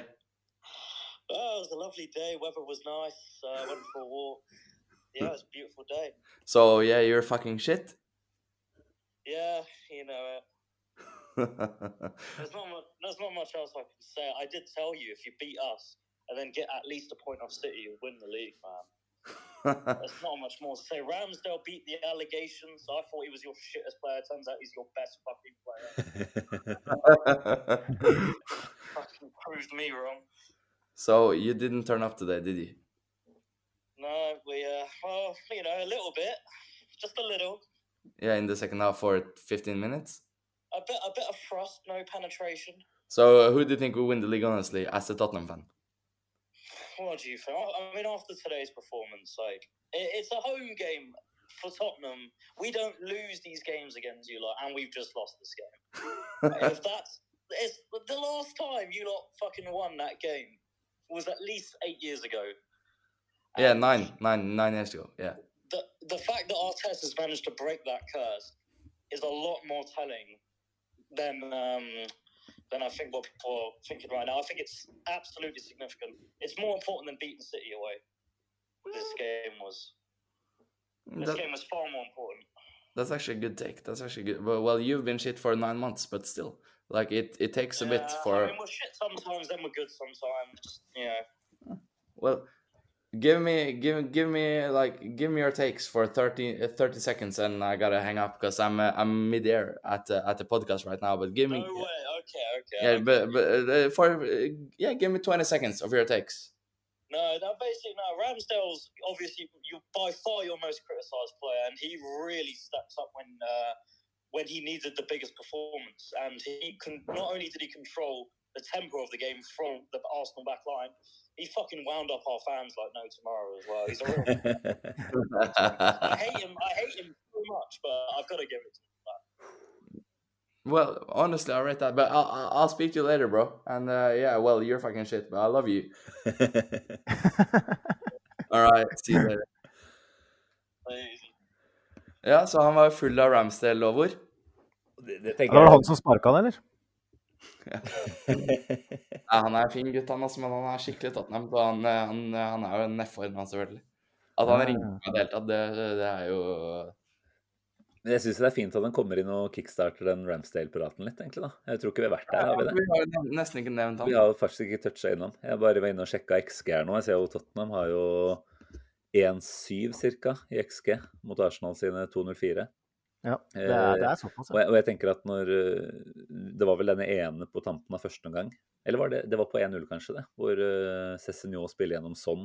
Hvor Ramsdale kommer greit ut og oververger. Og så er det jo de første 10-15 i andre omgang hvor han har to-tre kjemperedninger. Og spesielt den på Cézinho sin, som han eh, flikker ut for venstrestolpen her. Det er kjempehøyt nivå. Og når han eh, Tottenham-kompisen din i tillegg da er innpå at han klarer å winde opp eh, Tottenham-supporterne såpass at de går og angriper han etter kampen, da, Nei, da, kan vi, da kan vi begynne å lure på om vi skal dele ut uh, man of match et annet sted kanskje enn Sinchenko eller Ødegaard. Ja, Ramsdale er helt eh, Og jeg så på et par av lytterspørsmål også, det var mange som nevnte Ramsdale. Mm. Eh, Og ja, Banks, eh, som jeg snakka med nå, han var jo på matchen, og som sagt, han er skikkelig Tottenham, på en måte. Og at han sitter på en måte og snakker om Ramsdale, det, det sitter litt innenfra. Altså, som han sa til oss nå, da. I thought he was your sh- shittest player, liksom. Men eh, altså, han har jo et par feil i seg, Ramster, men når han møter opp sånn som i dag ut, ut, ut, altså, Udødelig eh, og, i dag. Ja, men altså, han har jo egentlig et lite poeng. Altså, vi sitter jo her i stad og snakker om at dette Arsenal-laget har ikke svakheter egentlig i det hele tatt. Men, men redningsprosenten til Ramsdale så langt i sesongen har vel ikke vært topp fem, i hvert fall, i Premier League. Ja, han har Eh, poeng. Så, så jeg tenker jo at han motbeviser jo faktisk noen kritikere da, med den prestasjonen han uh, leverer i dag. Nå har han vel faktisk eh, klart å få Sky Sports til å vise en slags form for empati også, istedenfor å bare komme med sånn eh, tullete kritikk etter kamp. Så en sånn dobbeltseier til Ramsdale i dag, egentlig. Ja, han var, og det er begge de til Nkete, egentlig. Nkete hadde vel to svære, han ikke satt? Uh, som Ram... Nei, jeg, nå, er jeg, nå, nå er jeg på uh, Nå er jeg på ølen igjen, vet du. Hva er det du vil si? Nei, jeg, jeg, nei ikke noe. Jeg kom på at uh, Loris Loris var jo helt håpløs, men han hadde et par uh, involveringer en kett, ja. Men uh, det var, det var Jegermeister som prata. Jeg er jo i andre enden av banen. Ja, vi snakker Ramsdale her, ja. Heldigvis, får jeg si. Um, jeg syns jo vi kan kanskje lokke kapitlet kampen med å ta litt om den siste halvtimen der, etter at Tottenham um, sløste med sjansene, rett og slett. Uh, slash at vi faktisk uh, beholdt roen og ikke gjorde noe dumt. Og uh, syns, jeg, vil, jeg vil jo tenne et lys Ikke tenne et lys, det er feil. Da, da man, syns han synd på folk. Jeg sender lys for Todd Bowlin hver gang jeg legger meg. Men jeg, jeg har lyst til å mm, sende en blomst til Granit Xhaka igjen. som var den vi alltid trodde skulle miste hodet i sånne type matcher. Det var vel en situasjon der et, ja, rundt et kvarter ut i andre omgang hvor eh, Romero burde hatt sitt andre gule. Eh, hadde allerede fått ett gult, og så kommer han inn med knotta først mot Sjaka. Bommer. Men Sjaka legger seg ned og griner. Han traff den ikke.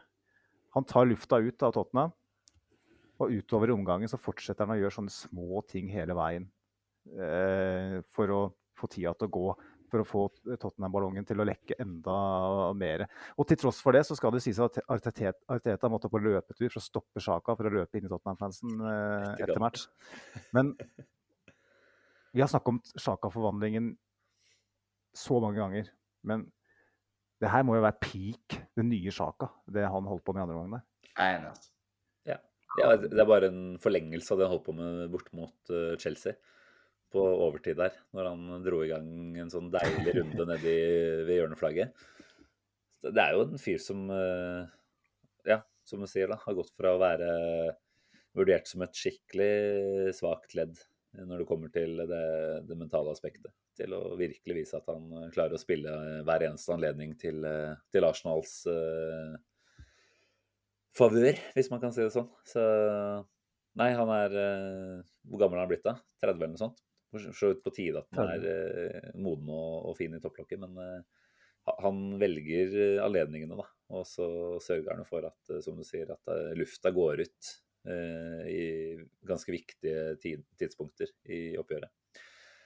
Så Det syns jeg var Jeg syns du så at Sjaka var noen år eldre enn noen av de andre offensivt i dag, den siste halvtimen. Fordi at det var et par-tre tilfeller hvor vi endelig fikk tak i ballen etter å ha ligget dypt. Eh, og i stedet for å ta vare på den, så ble det en del merkelige avgjørelser. Eh, hvor vi ga fra oss ballen ganske kjapt, egentlig. Jeg husker ikke sånn helt spesifikt, men eh, det var, jeg husker annet at Thomas Party er jo for så vidt ikke eh, Jeg skal ikke bruke den poden her på å kritisere Thomas Partey, men annet et skudd fra han som eh, ble en innsidepasning eh, ut av banen.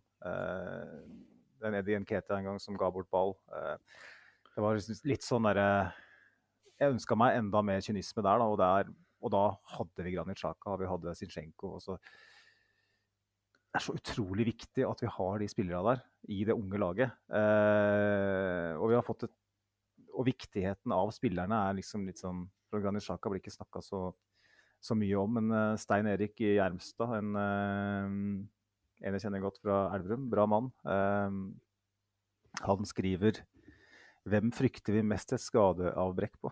Hvis jeg skal plukke ut tre i Statelveren, blir det denne rekkefølga. Partey, Ødegaard og Zinchenko. Eh, med det jeg sa nå i mente, eh, hva lander dere på? Hva jeg lander på? Eh, Jeg kan begynne der, for det er ganske enkelt. altså. Party, begge midtstopperne. Jeg, Jo, men ja, Ja, eller jeg altså er nok eh, ikke enig der. Jeg, ja, jeg vet hva. Party, Gabriel Saka. Den er jeg på. Ganske enkelt, altså. Ja. Altså, jeg tror eh, jeg er ganske klink enig med Hjelmstad sine to første. Syns det er vanskelig å si. Ødegaard. Ja. Ødegaard er jo Altså, vi har jo Smith-Roe, vi har Viera, vi har jo, vi har jo eh, Xhaka som kan spille litt Jeg, opp. jeg trodde vi hadde konkludert med at Smith-Roe er ikke en Ødegaard. Ja, men jeg trodde, det kan jeg trodde vi konkluderte konkludert med at vi trenger både Gabriel og Saliba. Det har vi også konkludert med. Jeg trodde, jeg trodde vi hadde konkludert med at eh, ned fra Saka så er det bare Markinios og Nelson som sliter med hamstring, som er alternativene. ja, så har vi sett at en Martinelli kan over på høyre, mens en Smith-Roe kan inn på venstre. Jeg tenker eh, Altså, det du vil fram til her, Magnus, er jo egentlig at eh, Chaka fort bør inn på den topp tre-lista, nesten.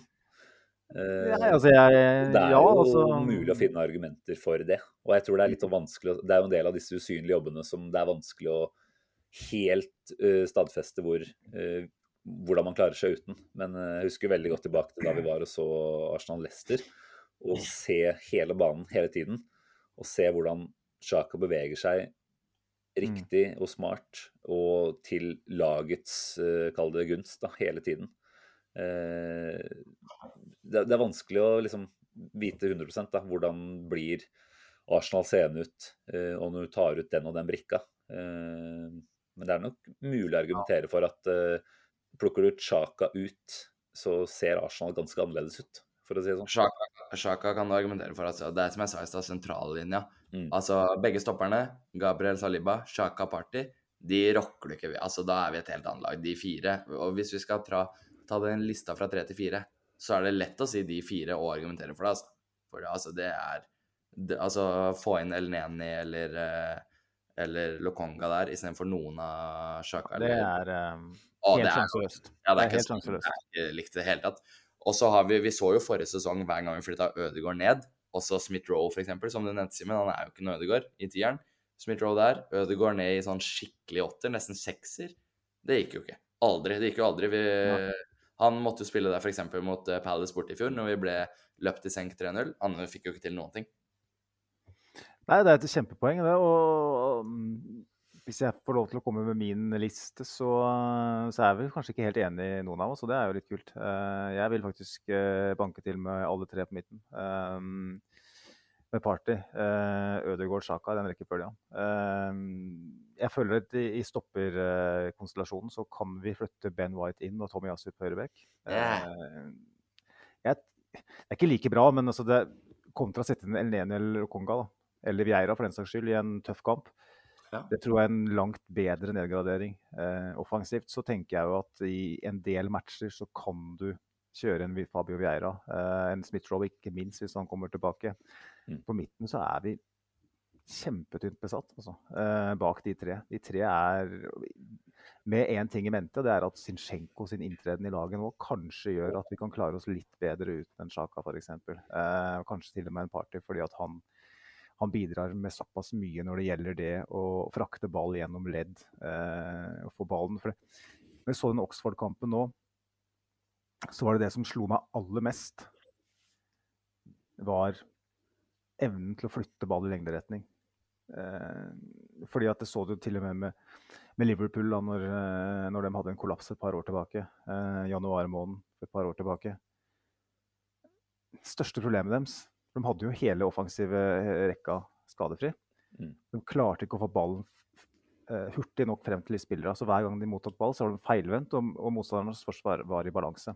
Tar du ut Ødegaard, Sjaka eller Party, så oppnår du litt av det samme. Tar du to av dem, så, så klarer vi ikke å flytte ball fremover i banen hurtig. Ehm, derfor mener jeg det er helt, helt prekært at vi får en minst én midtbanespiller i januar. Mm. Ehm, skade på en av de tre. I alle fall Party. Det er bye bye ligagull. Kjempefint uh, resonnement her, Magnus. Uh, Syns det er veldig lett å nikke anerkjennende til der. Eh, hvis du skulle hatt én én midtbanespiller inn i, i vinter, hvem er det du tenker vi skal på en måte legge oss tettest opp mot i forhold til likheter? Det er enkelt å svare, ass. Vær så god, Sivert. Ja, men det er jo, det er jo ikke, noe, det er ikke noe spennende. Det er jo Bellingham. Nei, nei men jeg mener altså hvem, hvem av de tre på midten vår nå tenker du at vi skal legge oss tettest opp mot i hvilke kvaliteter vi ønsker å erstatte? Altså oh, ja. nærmest mulig Thomas Party, nærmest mulig Chaka, nærmest mulig Ødegaard. Party. Det må bli Party. Ja. Uh, Men det er jo ikke nødvendigvis eh, Ja. Men det er jo få spillere i Europa som legger seg tett opp mot han i seg sjøl. Ja, Vi ser jo Forest henter vel Danilo nå, som vi har vært eh, linka ganske kraftig til.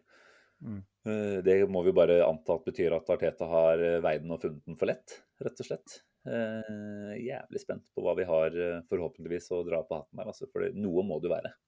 Nei, for jeg, altså, jeg tweeta jo 9. oktober at uh, det fins ikke et eneste jeg, jeg søkte opp nå. Det fins ikke et eneste lag i Europa som kjører over oss så lenge vi har Thomas Party i det slaget her. Ja, det Det er er jo jo helt uh, fornuftig meldt, det. Det er jo, det er jo tre-fire måneder siden. Det er jo det, den sitter jo, den. Det er jo ikke, det er jo ikke tilfeldig at det, akkurat den rollen er den viktigste heller. Også se på United med Casemiro. Mm. Uh, han har jo revolusjonert det laget uh, totalt. Og um, tar du ut han fra United, så får du jo en eh, lignende effekt. Sånn at Å eh, se Liverpool med en Fabinho som funka, kontra et Liverpool uten en Fabinho som funker. Han har vært helt grusom nå. ass. Mm. Eh, Det, å få noe i nærheten av det, altså det Men altså det er det jo ikke tvil om at vi sitter ikke og er smartere enn Arteta. på en måte. Han prøvde jo å hente Douglas Louise han eh, for 25 millioner pund, så det, at det på en måte er i planene, det er jo ingen tvil om. Mm.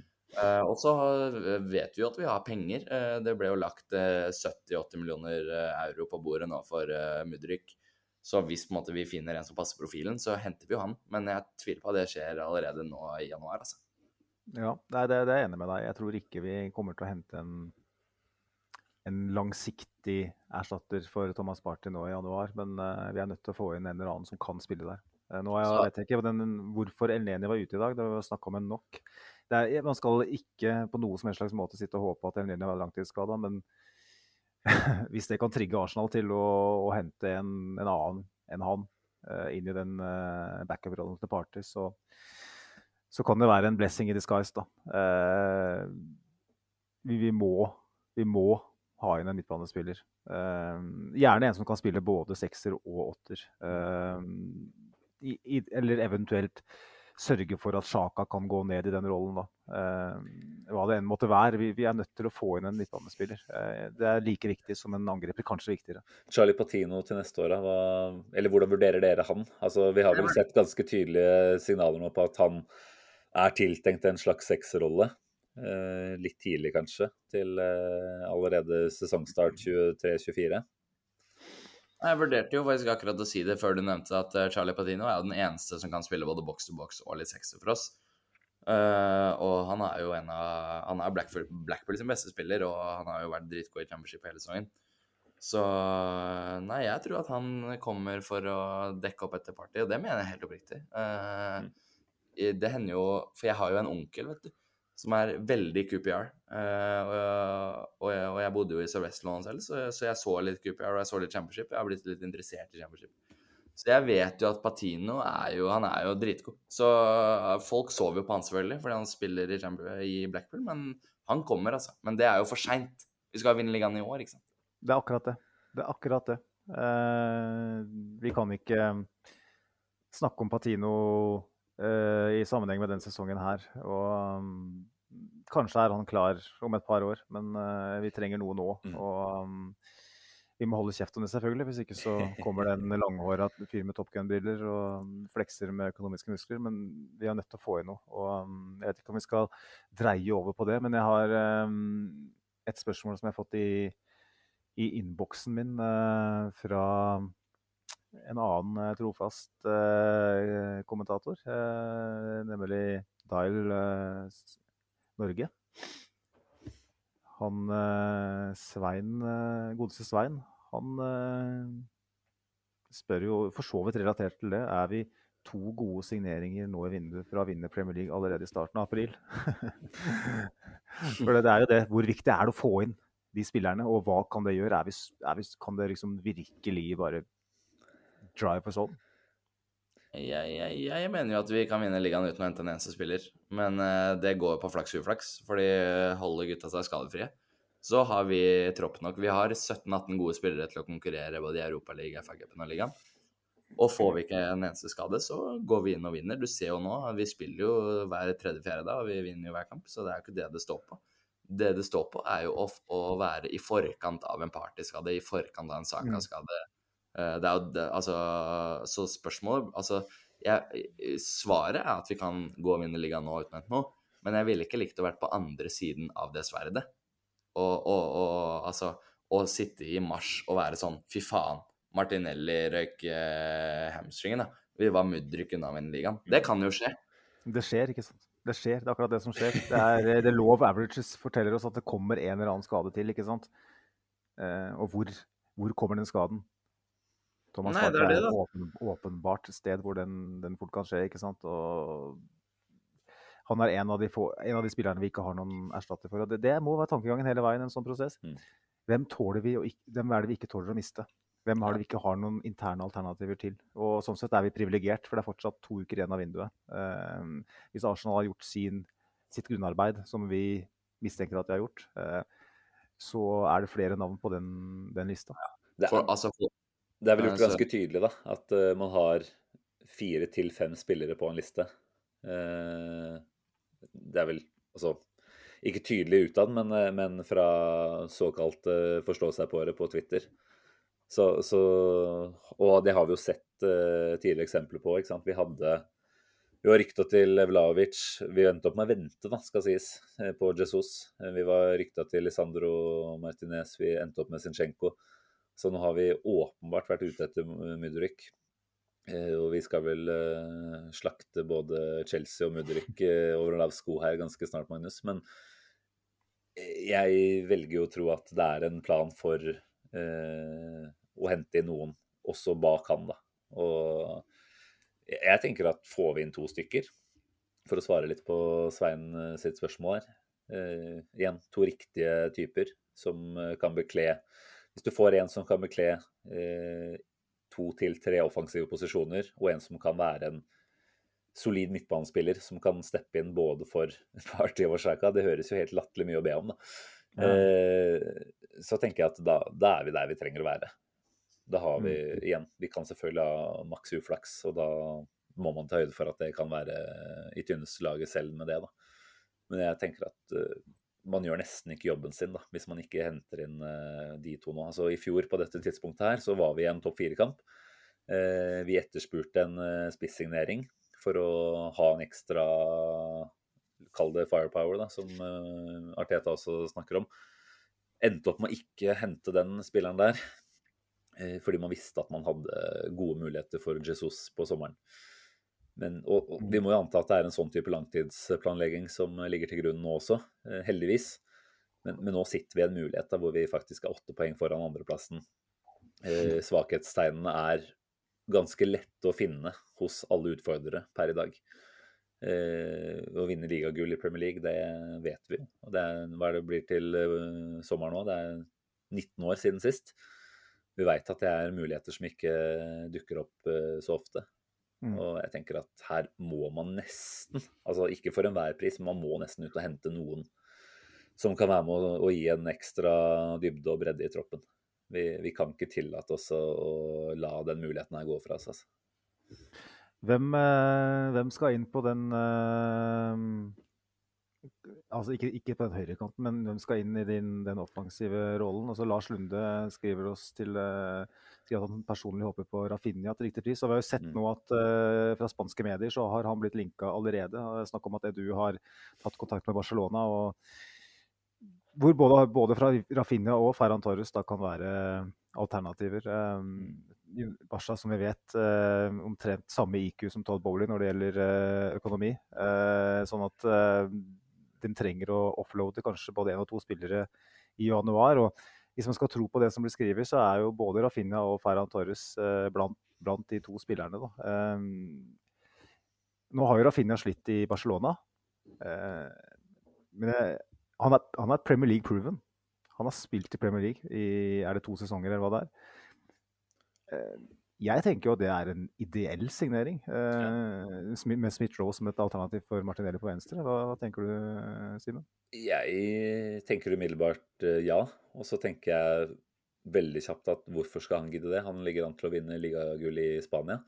Mm. Men så tenker jeg også han har vel spilt nok kamper og vært med nok kamper eh, involvert til at han får det ligagullet uansett, dersom det skulle dukke opp. Eh, Så han sitter jo her i en ekstremt fin mulighet da, til å vinne både PL-tittel og La Liga-tittel i samme sesong. Så hvis ikke han er gira på det, så skjønner jeg ingenting. Altså Vi vet jo at han er ute etter eh, at at Arsenal har vært ute etter ham før. Og det åpenbart at det er lett å dra den linken da. Alderen, hvordan er den da? 23? 24? 25? Det Eh, da, Det er et halvt år eh, siden vi var langflate etter den. Så det er jo helt tydelig at det er en spiller vi, vi er interessert i. Kan du få han til en ålreit pris eh, fra Barcelona, som uansett eh, bruker Dembélé eh, i hver eneste kamp han er tilgjengelig, Mm. så, så tenker jeg absolutt. Altså, om det er snakk om 40 eller 60, det driter jeg litt i, på en måte. Få inn han. Hvis så- Barcelona får igjen, eh, får igjen det de betalte og bitte litt til òg, jeg tenker Mm. 60-70 år for en sånn Mm. spiller uh, i den fasen vi er i nå. Hvis det er en spiller Arteta ønska seg i, i sommer, hvis han er villig til å betale 70-80 for Mudrik, da er det no-brainer i, i min bok. Mm. Eh, Sivert, er du enig, eller er det noen andre du har lyst til å lansere på tampen her? Nei, altså Nå skal ikke jeg late som jeg er Fabrizio Romano, men eh, eh, gutta mine i, i London da, de har ganske god kontakt med en fyr som har jobba i Sky, Fergus Keating. Han eh, vet alltid eh, når Før på en måte eh, kampene blir annonsert, om det er fredagskamp lørdagskamp, om det er halv fem, om det er klokka tre. Han vet alt, liksom. Han har full kontroll. Og han har sagt at vi er inne for Pedro Neto eh, igjen. Mm. Eh, og jeg, altså, jeg er bare en random kar som drikker Jeger fra Tjøme. Jeg vet ingenting. Men eh, jeg, jeg tror at Pedro Neto er en mulighet, i hvert fall. Eh, Jeg husker Ornstein nevnte det i, i sommer og sånn. Eh, jeg syns jo ikke det er i nærheten av nivået til Mudrik og, eh, og Rafinha. ja, nei, kanskje ikke. Men også, nå har jo Neto vært mye skada Mm. og um, kanskje ikke spilt i et uh, offensivt kollektiv som uh, gir han muligheten til å skinne heller. da. Nei, ne, det er, jeg legger den ut der i hvert fall, så kan folk gjøre seg opp sin egen mening. Jeg vet ikke hva vi henter. og Jeg, jeg tror egentlig ikke vi henter noen ting. Men eh, Pedro Neto jobbes det med, uh, sies det i hvert fall. Eh, ja, vi får se. Ja. Så bare- Jeg var jo drit... Jeg var keen på Mudrik, dessverre. Eh, jeg var jo skikkelig keen på Mudrik. Og, eh, men nå i det siste har jeg drevet og overbevist meg selv om at jeg egentlig ikke ville det. Jeg også rakk å bli overbevist om at Mudrik var klar for Arsenal, så det, det var vondt. Det var ikke van Persie til United-vondt, men det var litt sånn utroskapsfølelse allikevel. Det var det. Eh, men et navn her som jeg bare altså Apropos Mudrik, som bør kunne være aktuelt, om kanskje ikke allerede nå i januar, er jo Stirling, eller? Arteta, Ja, ja. disippel i City, fikk ut sine beste sesonger der. Kanskje bikka hakk over eh, alderen som Arsenal er ute etter. Jeg er litt usikker der, men eh, Altså, hva er det City har, nei, Chelsea har på booken sin nå? 10-11 spillere som kan bekle de offensive tre posisjonene der. De, de må jo åpenbart kvitte seg med noe.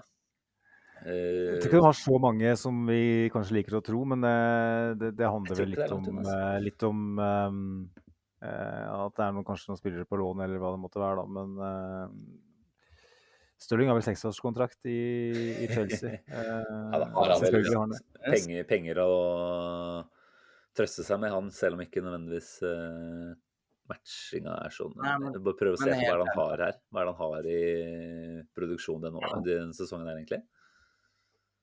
Eh, Nå skal, nå skal ikke jeg drive og ta for mye plass her, men har Stirling seriøs seksårskontrakt? Fordi altså, Mudrik fikk jo 8,5-årskontrakt, og han der nye stopperen som jeg ga navnet på, fikk jo 7,5-årskontrakt. Hva er det de driver med, egentlig? Angivelig så handler det om å um, Fordele summen. eh, fordele, ja, som Simen sier, fordele summen, eh, overgangssummen, da, vel å merke, utover eh, mange år. Du kan egentlig ta det, Simen, ettersom du opplyste meg i stad. Nei, men det er jo det er ikke så mye mer å si enn det, er det det? Altså, Nei, men altså, det, det er jo overgangssum- for lure FFP. Ja, altså, nå, nå ser vi jo Mudrik som de skal ut med hver dag. Ca. 100 millioner, da. Siden det var ganske garanterte eh, bonuser inne i bildet her. Også en, en lønn på 100-150 K i uka. Så fordeler du det over sju år kontra fire eller fem, da, som Arsenal vel var, eh, hadde planer om å gjøre, så, så kan du jo skrive av uh, den spilleren der uh, for en lavere sum per sesong. Ikke sant? Det er jo Mm. Det, det virker jo helt nedsnødd det de driver med borti Chelsea. Men, men, men det vil jo vise seg, sannsynligvis. da. Altså, Det de holder på med der nå, det, det er jo å flekse muskler og vise pikken, ikke sant. Og så, og så kommer de til å bli avslørt. Uh, aller, sannsynligvis, tenker jeg, allerede til sommeren. Når eh, ikke de er i nærheten av å kunne godskrive europainntekter for neste sesong. Eh, da tror jeg allerede Mm. der de begynner å få en liten sånn Oi, shit, dette her kommer jo ikke til å gå så jævla bra. Jeg gå. tenker at, Chelsea, at, at, at Du har helt rett i det. Altså, Chelsea kommer til å, å, å bæsje på leggen og drite i eget tue og alt som er. Alt som handler om avføring på noe som han, han tilhører deg sjøl, kommer Chelsea til å gjøre. Og Vi skal ta det, ta det men før vi avslutter, eh, avslutter den biten hvor vi snakker om hvem som kan komme inn, da, så tenker jeg jo Premier League proven er det viktigste argumentet akkurat nå, når vi har åtte poeng eh, foran. Mm. Um, du har en fyr i Brighton som jeg har lansert mange ganger på denne poden her, som nå er på kollisjonskurs med Di Serbi. Eh, snakker selvfølgelig om Leonardo, Leandro Trossard. Mm. Eh, er en anvendelig spiller, er produktiv, har vist i Premier League at han kan prestere, og til og med i store kamper. Um, hvor bekymra Sivert, er du for eh, personligheten hans hvis han kommer på kamp med Di Serbi? Eh, er, det litt sånn eh, og, det faktum at ingen har gått inn for den enda i januar. Er det, er det en litt cocky type her som vi bør holde oss unna, eller bør vi gå for den? Nei, eh, akkurat eh, personligheten har jeg ikke noe jeg mener om. Altså, Arteta temmer alle karer, og, og, og hvis han ikke er på en måte 100 om bord, så kommer han ikke uansett. Men eh, han Tottenham-kompisen min, som jeg hadde på spiker her i stad Jeg snakka med han til morgenen i dag, og så snakka vi akkurat om det her. At Mudrik glapp, ja, hvem henter vi da? Så sa jeg til han ja, Trossard, hva er det, ja? 10-15-20 millioner pund? Mm. Så sa han ja, men det kan du bare drite i, han skal jo til oss. Og så har jeg søkt opp det, da. Han er eh, Tottenham er på buksa der, ass. Ja. Det, også... Så- Det kan vi hijacke, hvis uh, Chelsea ikke gjør det. Jo, selvfølgelig, selvfølgelig. Jeg mener jo helt oppriktig at han er mer enn god nok til å være eh, rotasjonsspiller hos oss. Mm.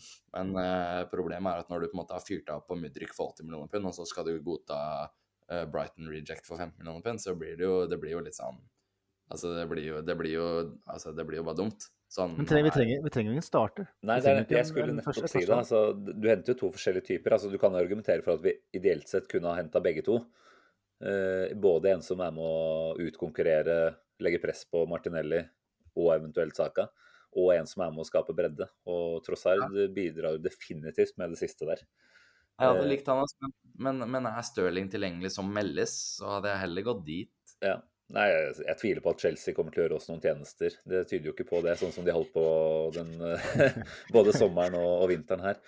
Eh, og siste navn man kanskje kan dra opp der, er jo Saha, da, som også har, i likhet med Trossard, seks måneder igjen på kontrakten. Palace som Igjen, hvem er komfortable fra åttende og nedover, egentlig, i den ligaen her. Men eh, vil jo tro at Palace klarer å holde seg unna en nedrykksstrid uansett. Om de havner på 11. eller eh, 16., det er kanskje ikke så jævla viktig. Så litt eh, frista er jeg jo, men eh, så er spørsmålet hva Dette med dynamikk, da.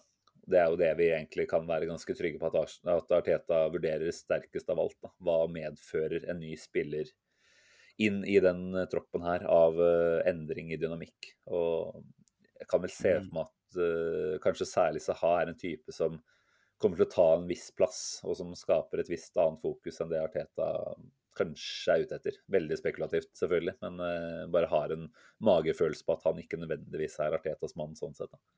Jeg skjønner hvor du vil, men i den medvinden vi er i nå, så tror jeg Saha bidrar vel så positivt som negativt. ass. Han eh, er den som danser først i garderoben og shaker hands først i, den medvinden der. Men så tror jeg også vi er litt ferdig med den perioden hvor vi er sånn Ja, mudder glapp.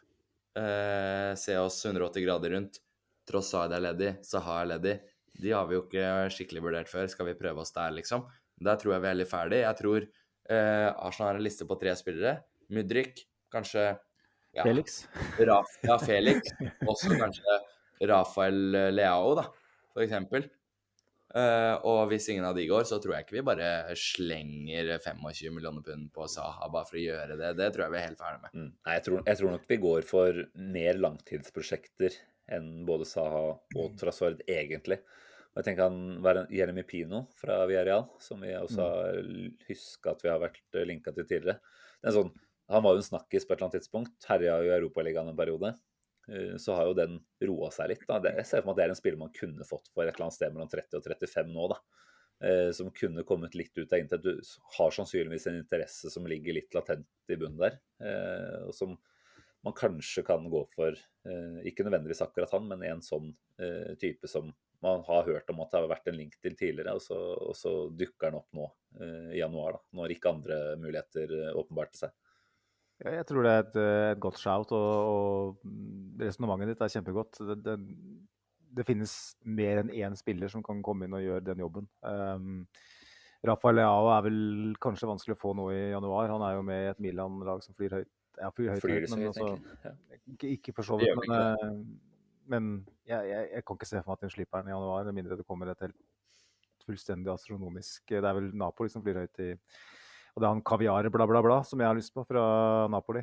Jeg klarer ikke å si god, ass. Så kaller er jeg, kaller henne for det. Men ehm, kan man få til en sånn, et sånn Henke Larsson-lån som United hadde eh, for mange år siden? Eh, kan en, eh, en Saha være nettopp det? Også ikke på et lån, men på en overgang, for så vidt. Da, men i en veldig spesiell situasjon hvor Arsenal har århundrets sjanse på å, å vinne ligaen, så tenker jeg jo at for å kaste min uh, hatt inn i ringen, at, uh, at en type som Wilfried Saha, hvis han ikke kommer med de nykkene som Simen refererer til, altså fra benk, Mm. med den erfaringa han har, det Kan- kan være fire-fem poeng, ikke sant? Kan bekle alle frontposisjoner, egentlig. Ja. Så det er kjempespennende, syns jeg. da. Mm. Og han hadde sannsynligvis uh, pissa på Sellers Park hvis han hadde fått lov til å gå til Arsenal. Og det er litt poeng. Vi er i en sånn, en sånn eh, situasjon nå at um, alle vil spille for oss. Um, og bare for å ta det til slutt. um, Kjell Olav Tangen eh, på Twitter han uh, gjorde meg oppmerksom på en uh, Tor Christian Karlsen-tweet fra 7.1. OK, nå er jeg spent. Eh, han skrev at eh, hvis Sjaktar forteller Mudrik at han skal til Chelsea, så går han til Chelsea. Sånn fungerer det i den delen av Europa. Mm. Tenk hvor mange som profitterer på den overgangen.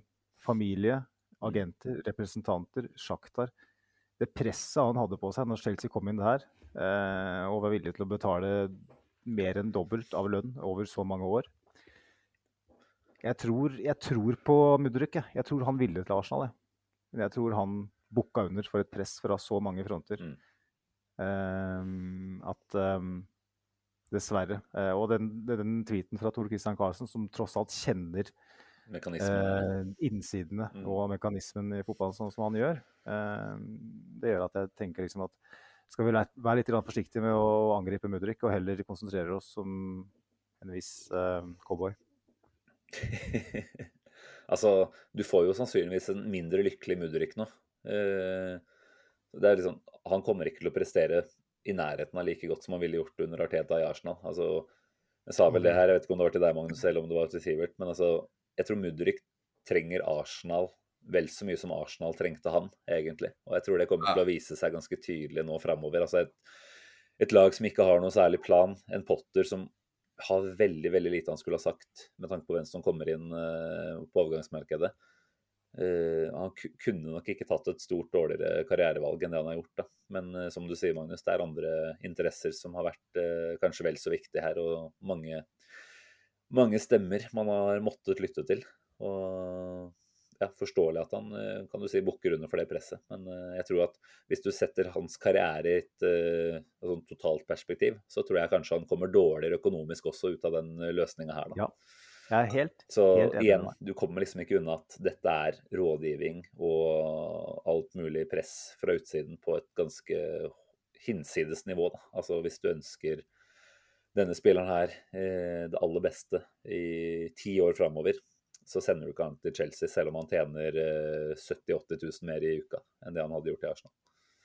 Nei, det er, det, det er helt uh, fullstendig enig. Det her er bare handler om raske penger eh, og mange interesser som eh, og interessefeller som ønsker eh, raske penger. Mm. Så mm, lykke til eh, i den utedassen som står i lys lue på Stamford Bridge. Eh, det blir et seksårslån, det, et eller annet sted. Etter ett år i England, hvor han blir veksla litt rundt på høyre og venstre kant og kanskje får en indre løperrolle, og så finner de ikke noe plass til for at de har ingen plan. Mm. For de har ingen plan.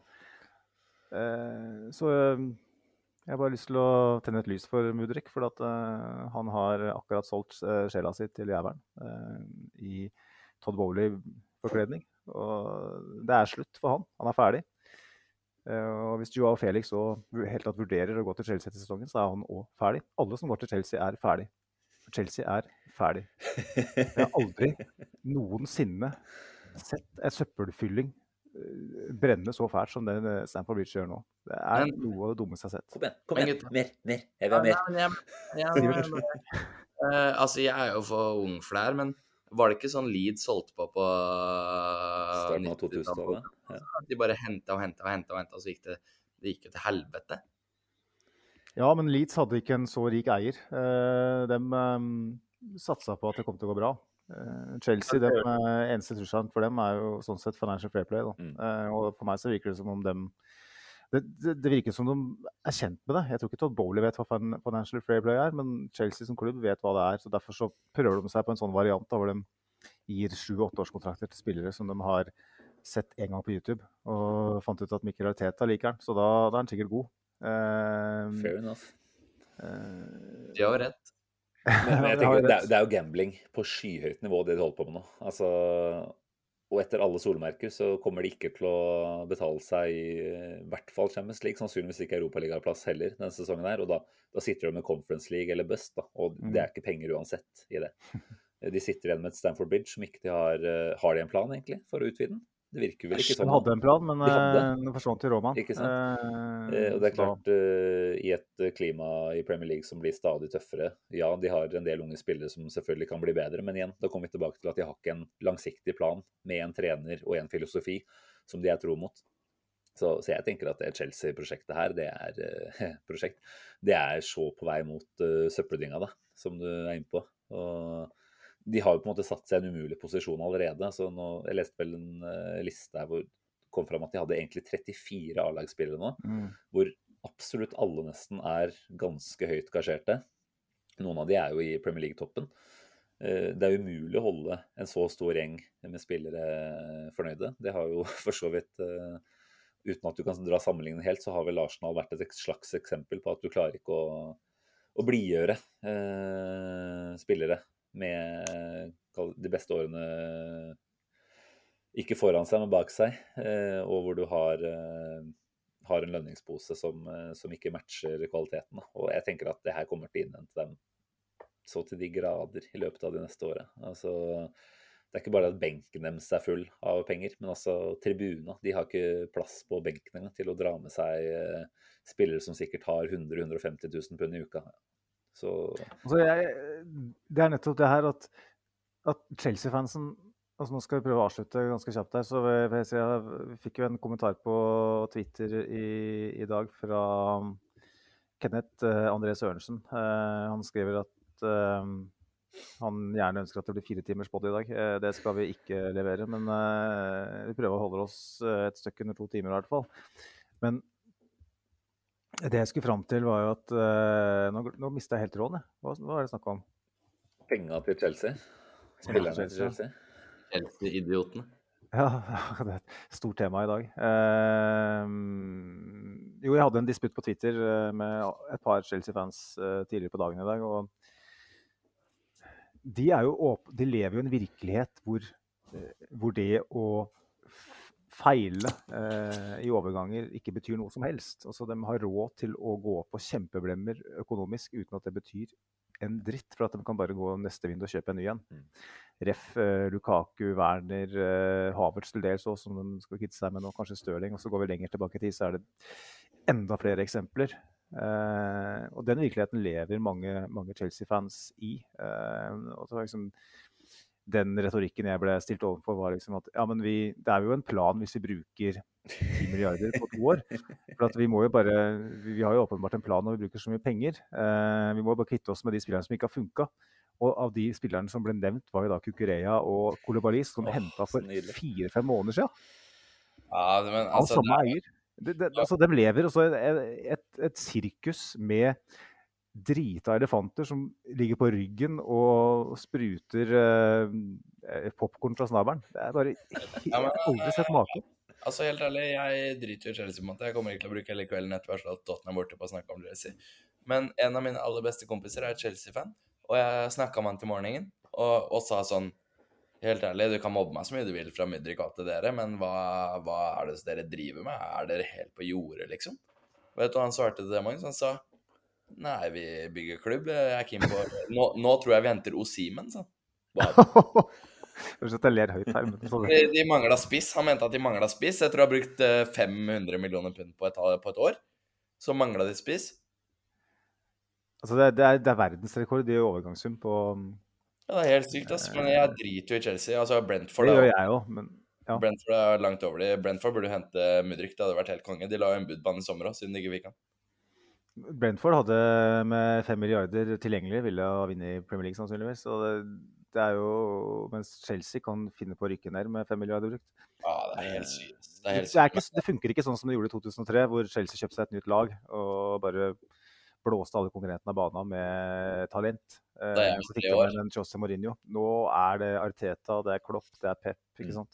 Du, du klarer ikke det i dag med en eh, Graham Potter som er en prosjektmanager som trenger en liten, bitte liten stall med sp unge spillere som ønsker å spille for ham, og så henter du en haug med 30-åringer på eh. Altså det, ja, det kommer ikke til å gå bra. De kommer til å sparke Potter i løpet av uh, tre-fire måneder. Og som jeg og Sim ble enige om før sending, og kanskje det skal være det siste vi sier i dag Jeg håper ikke Tottenham og Chelsea bytter manager. Nei. Nei, altså, de, altså Potter er som skapt tenker jeg, for eh, Tottenham. Og Conte har jo fått til Helt ærlig, eh, bro. Eh, unnskyld, men nå kommer jeg på noe som jeg har tenkt på lenge. Og det mener jeg. For en manager som uh, Pochettino uh, Ja, de unge managere Jeg gidder ikke ramse navnet men helt ærlig. Det eneste som skremmer meg skikkelig, og det skremmer meg ordentlig, uavhengig av hvor ræva det er i dag og har vært de siste fire månedene, det er at Tottenham må jo være det mest eh, interessante prosjektet for en eh, manager i dag med den nye sta med, altså De har jo Europas nyeste stadion. eh, de, har jo, de bruker jo penger hvert overgangsvindu. De er i London. sånn. Det er det eneste som skremmer meg. At hvis uh, Levy, da uh, Er det ikke det han heter? Han i Tottenham? Levy? Jo. Ja, ja, hvis, hvis han, Det har jo vært litt snakk om at han skal selge nå. Det er det eneste som skremmer meg. At det kommer inn en som tenker Tottenham, ja. Det er den feteste klubben å kjøpe meg inn i nå i 2023. Det, det er jo, de skal, vi skal jo plukke opp hansken. Det er det, det, er, det er det eneste som virkelig eh, skremmer meg litt. Nei, Det var vel snakk om at eh, Qatar eh, Sports Investments, de som eier eh, PSG, nå var interessert i en Premier League-klubb, og Tottenham var eh, en av de få klubbene man snakka med. Da. Og- Ja, for det er, jo, det er jo en fantastisk klubb å ta over nå fra, et, ja, fra det perspektivet, fra et eierperspektiv. Mm, Så er det jo. Mm. Ja, det er jo det. Og det er klart at hvis Conte nå ikke, sannsynligvis, da, som det ser ut som, ikke klarer å få de opp til de høydene han eh, mener at de burde nå ganske kjapt, så tenker jeg de fort kan ta en skikkelig kursendring og tenke tilbake til ja, vi skal bygge fra bunnen og tillate at man bruker tid. Altså man skal bruke en Jed Spence istedenfor en uh, Matt Docherty. Man skal tillate at disse unge spillerne får lov til å å vokse inn da, og bli bedre. Og da, hvis det da sammenfaller med at Potter får sparken, eventuelt en annen type i, det segmentet der, så, så tror jeg at Tottenham med en sånn type trener som får tid over to-tre sesonger, litt à la Arteta, da, eh, gjør at Tottenham kan bli farlig. Så får vi trøste oss med at eh, Kane blir ikke med på den eh, runden der. Ja, Da er jo han 33, ikke sant? Og sånn er jo washed allerede. Så, så jeg tenker at det er ikke gitt at Tottenham selv med en sånn type lang og, og god strategi og plan skal bli en maktfaktor igjen, da. Men, eh, men det de holder på med nå, kan vi jo gjerne se at de fortsetter med en, eh, en stund til. For det veit vi at de ikke kommer til å ta dem noe sted nå, eller? Gjør vi ikke det, Magnus? Nei, altså nå Nå tenker jeg at er eh, Conte eh, er ferdig eh, i Tottenham. Han kommer ikke til å signere en ny kontrakt selv om de ber om det. Og det ender med at Kane kommer til å streike seg til Bayern München, og så er på en måte den Tottenham-årgangen her ferdig. Det tror jeg faktisk. Så, og vi har hatt en ganske viktig finger med i spillet her. Eh, Nå har vi 14 poeng foran med en kamp mindre spilt. Eh, St. Otterham's Day, den kommer. Eh, Jeg tenker det er et fint sted å, å gi seg òg. United-kampen til helga den får vi ikke previewa i dag, for det har vi ikke tid til. Klokka har tikka over, over midnatt. Kan vi ikke bare komme med et kjapt resultattips? Det er innafor. E- Egentlig er du ordstyrer, Simen, men, Ja, nå, men jeg- jeg nå, jeg, spurte nå er jeg drikker øl. Du er på vei opp, og du er på vei Jeg spurte deg pent på vei før vi gikk ned. at kan ikke du bare ta fullstendig ansvar i dag? Skal vi gå runden på resultatet på United? Ja. 3-1. 3-2. 0-1. Fuck you, ja. Selvfølgelig. Den, negative tredelen, uh, Sivert eh, Skarstein Eriksen. Det, det er det Jeg må endre Twitter-bioen min. Gutta, jeg skal på Sats om ni timer. Jeg har ikke tid til det her. Nei. Jeg skal på jobb om eh, sju og en halv time. Det blir bra, dette her. Nei, men eh, er det siste ord, da, Magnus? Er det det du sier? Ordstyrer? Jeg gir eh, stafettpinnen tilbake til eh, deg, Simen, som eh, offisiell ordstyrer. Så vær så god, avslutt Nei, men. Jeg vil bare takke igjen for en helt fantastisk aften. Altså, nå har vi, nå har vi prata oss litt bort fra den nydelige følelsen vi gikk inn i den poden her med, som tross alt var 2-0 borte på gulldassen. Gulldassen? Krystalldassen? Glassdassen? Ikke si gull. Ikke Det er ikke noe gull der, i hvert fall. Eh, Det er en, det er en jævla patetisk stadion. Som kosta 12 milliarder, eller hva faen det var for noe. Så at vi på en måte runder av med, med den uh, feelgood-faktoren der, syns jeg er på sin plass. Og da tar jeg meg bare igjen tilbake til det, det løftet jeg hadde inn på dass foran pissoaret der. Eh, Dagens høydepunkt for min del. Ja, den er faktisk fin. Nei, det, var, det var hyggelig å se match, Sivert. Håper jeg at uh, det byr seg en mulighet, Magnus, hvor vi får uh, satt oss uh, sammen alle tre.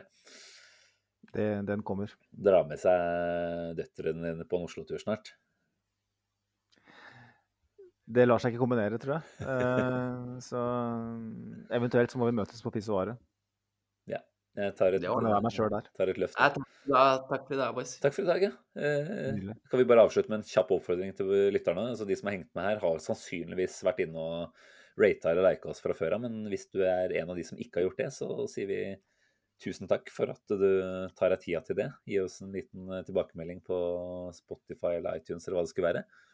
Og følge på Arsenal på Twitter. Ikke minst. Ikke minst. Det er, det er absolutt på sin plass. Det jo Vet du hva, Det har jeg lyst til å avslutte med. De som hører på to timer podkast om med Arsenal og er så glad i Arsenal at de bare elsker Arsenal Hvis du, hvis du hører det her og ikke er på Twitter, da går du glipp av noe. Det er bare å komme seg på Twitter. Og så kan første følgeren din være Pod Arsenal. Åh, Det er stort. en nydelig oppfordring. Ja. yes. Nei, men tusen takk, boys. Hyggelig, hyggelig aften dette her. For en eh, flott uke. Og så sier vi tusen takk til deg som lytter. Setter stor pris på det. Og sier på gjenhør om ikke så altfor lenge. Ha det bra. Ha det Ha det, ha det. Hei.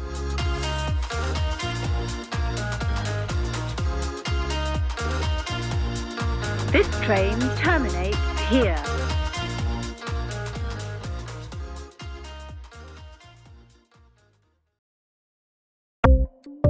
Ukens annonsør er HelloFresh. HelloFresh er verdens ledende matkasseleverandør og kan være redningen i en travel hverdag.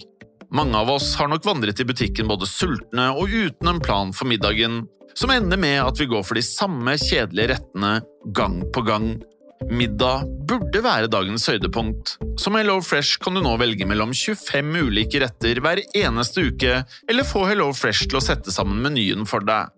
Dette gir deg muligheten til å prøve nye og spennende retter alene eller sammen med familien. Du velger antall porsjoner og får alt levert på døren på et tidspunkt som passer for deg. Oppskriftene er enkle, og maten er lett å lage både for store og for små. Ved å få alt levert hjem får du også mer tid til å dele matgleden med familie og venner.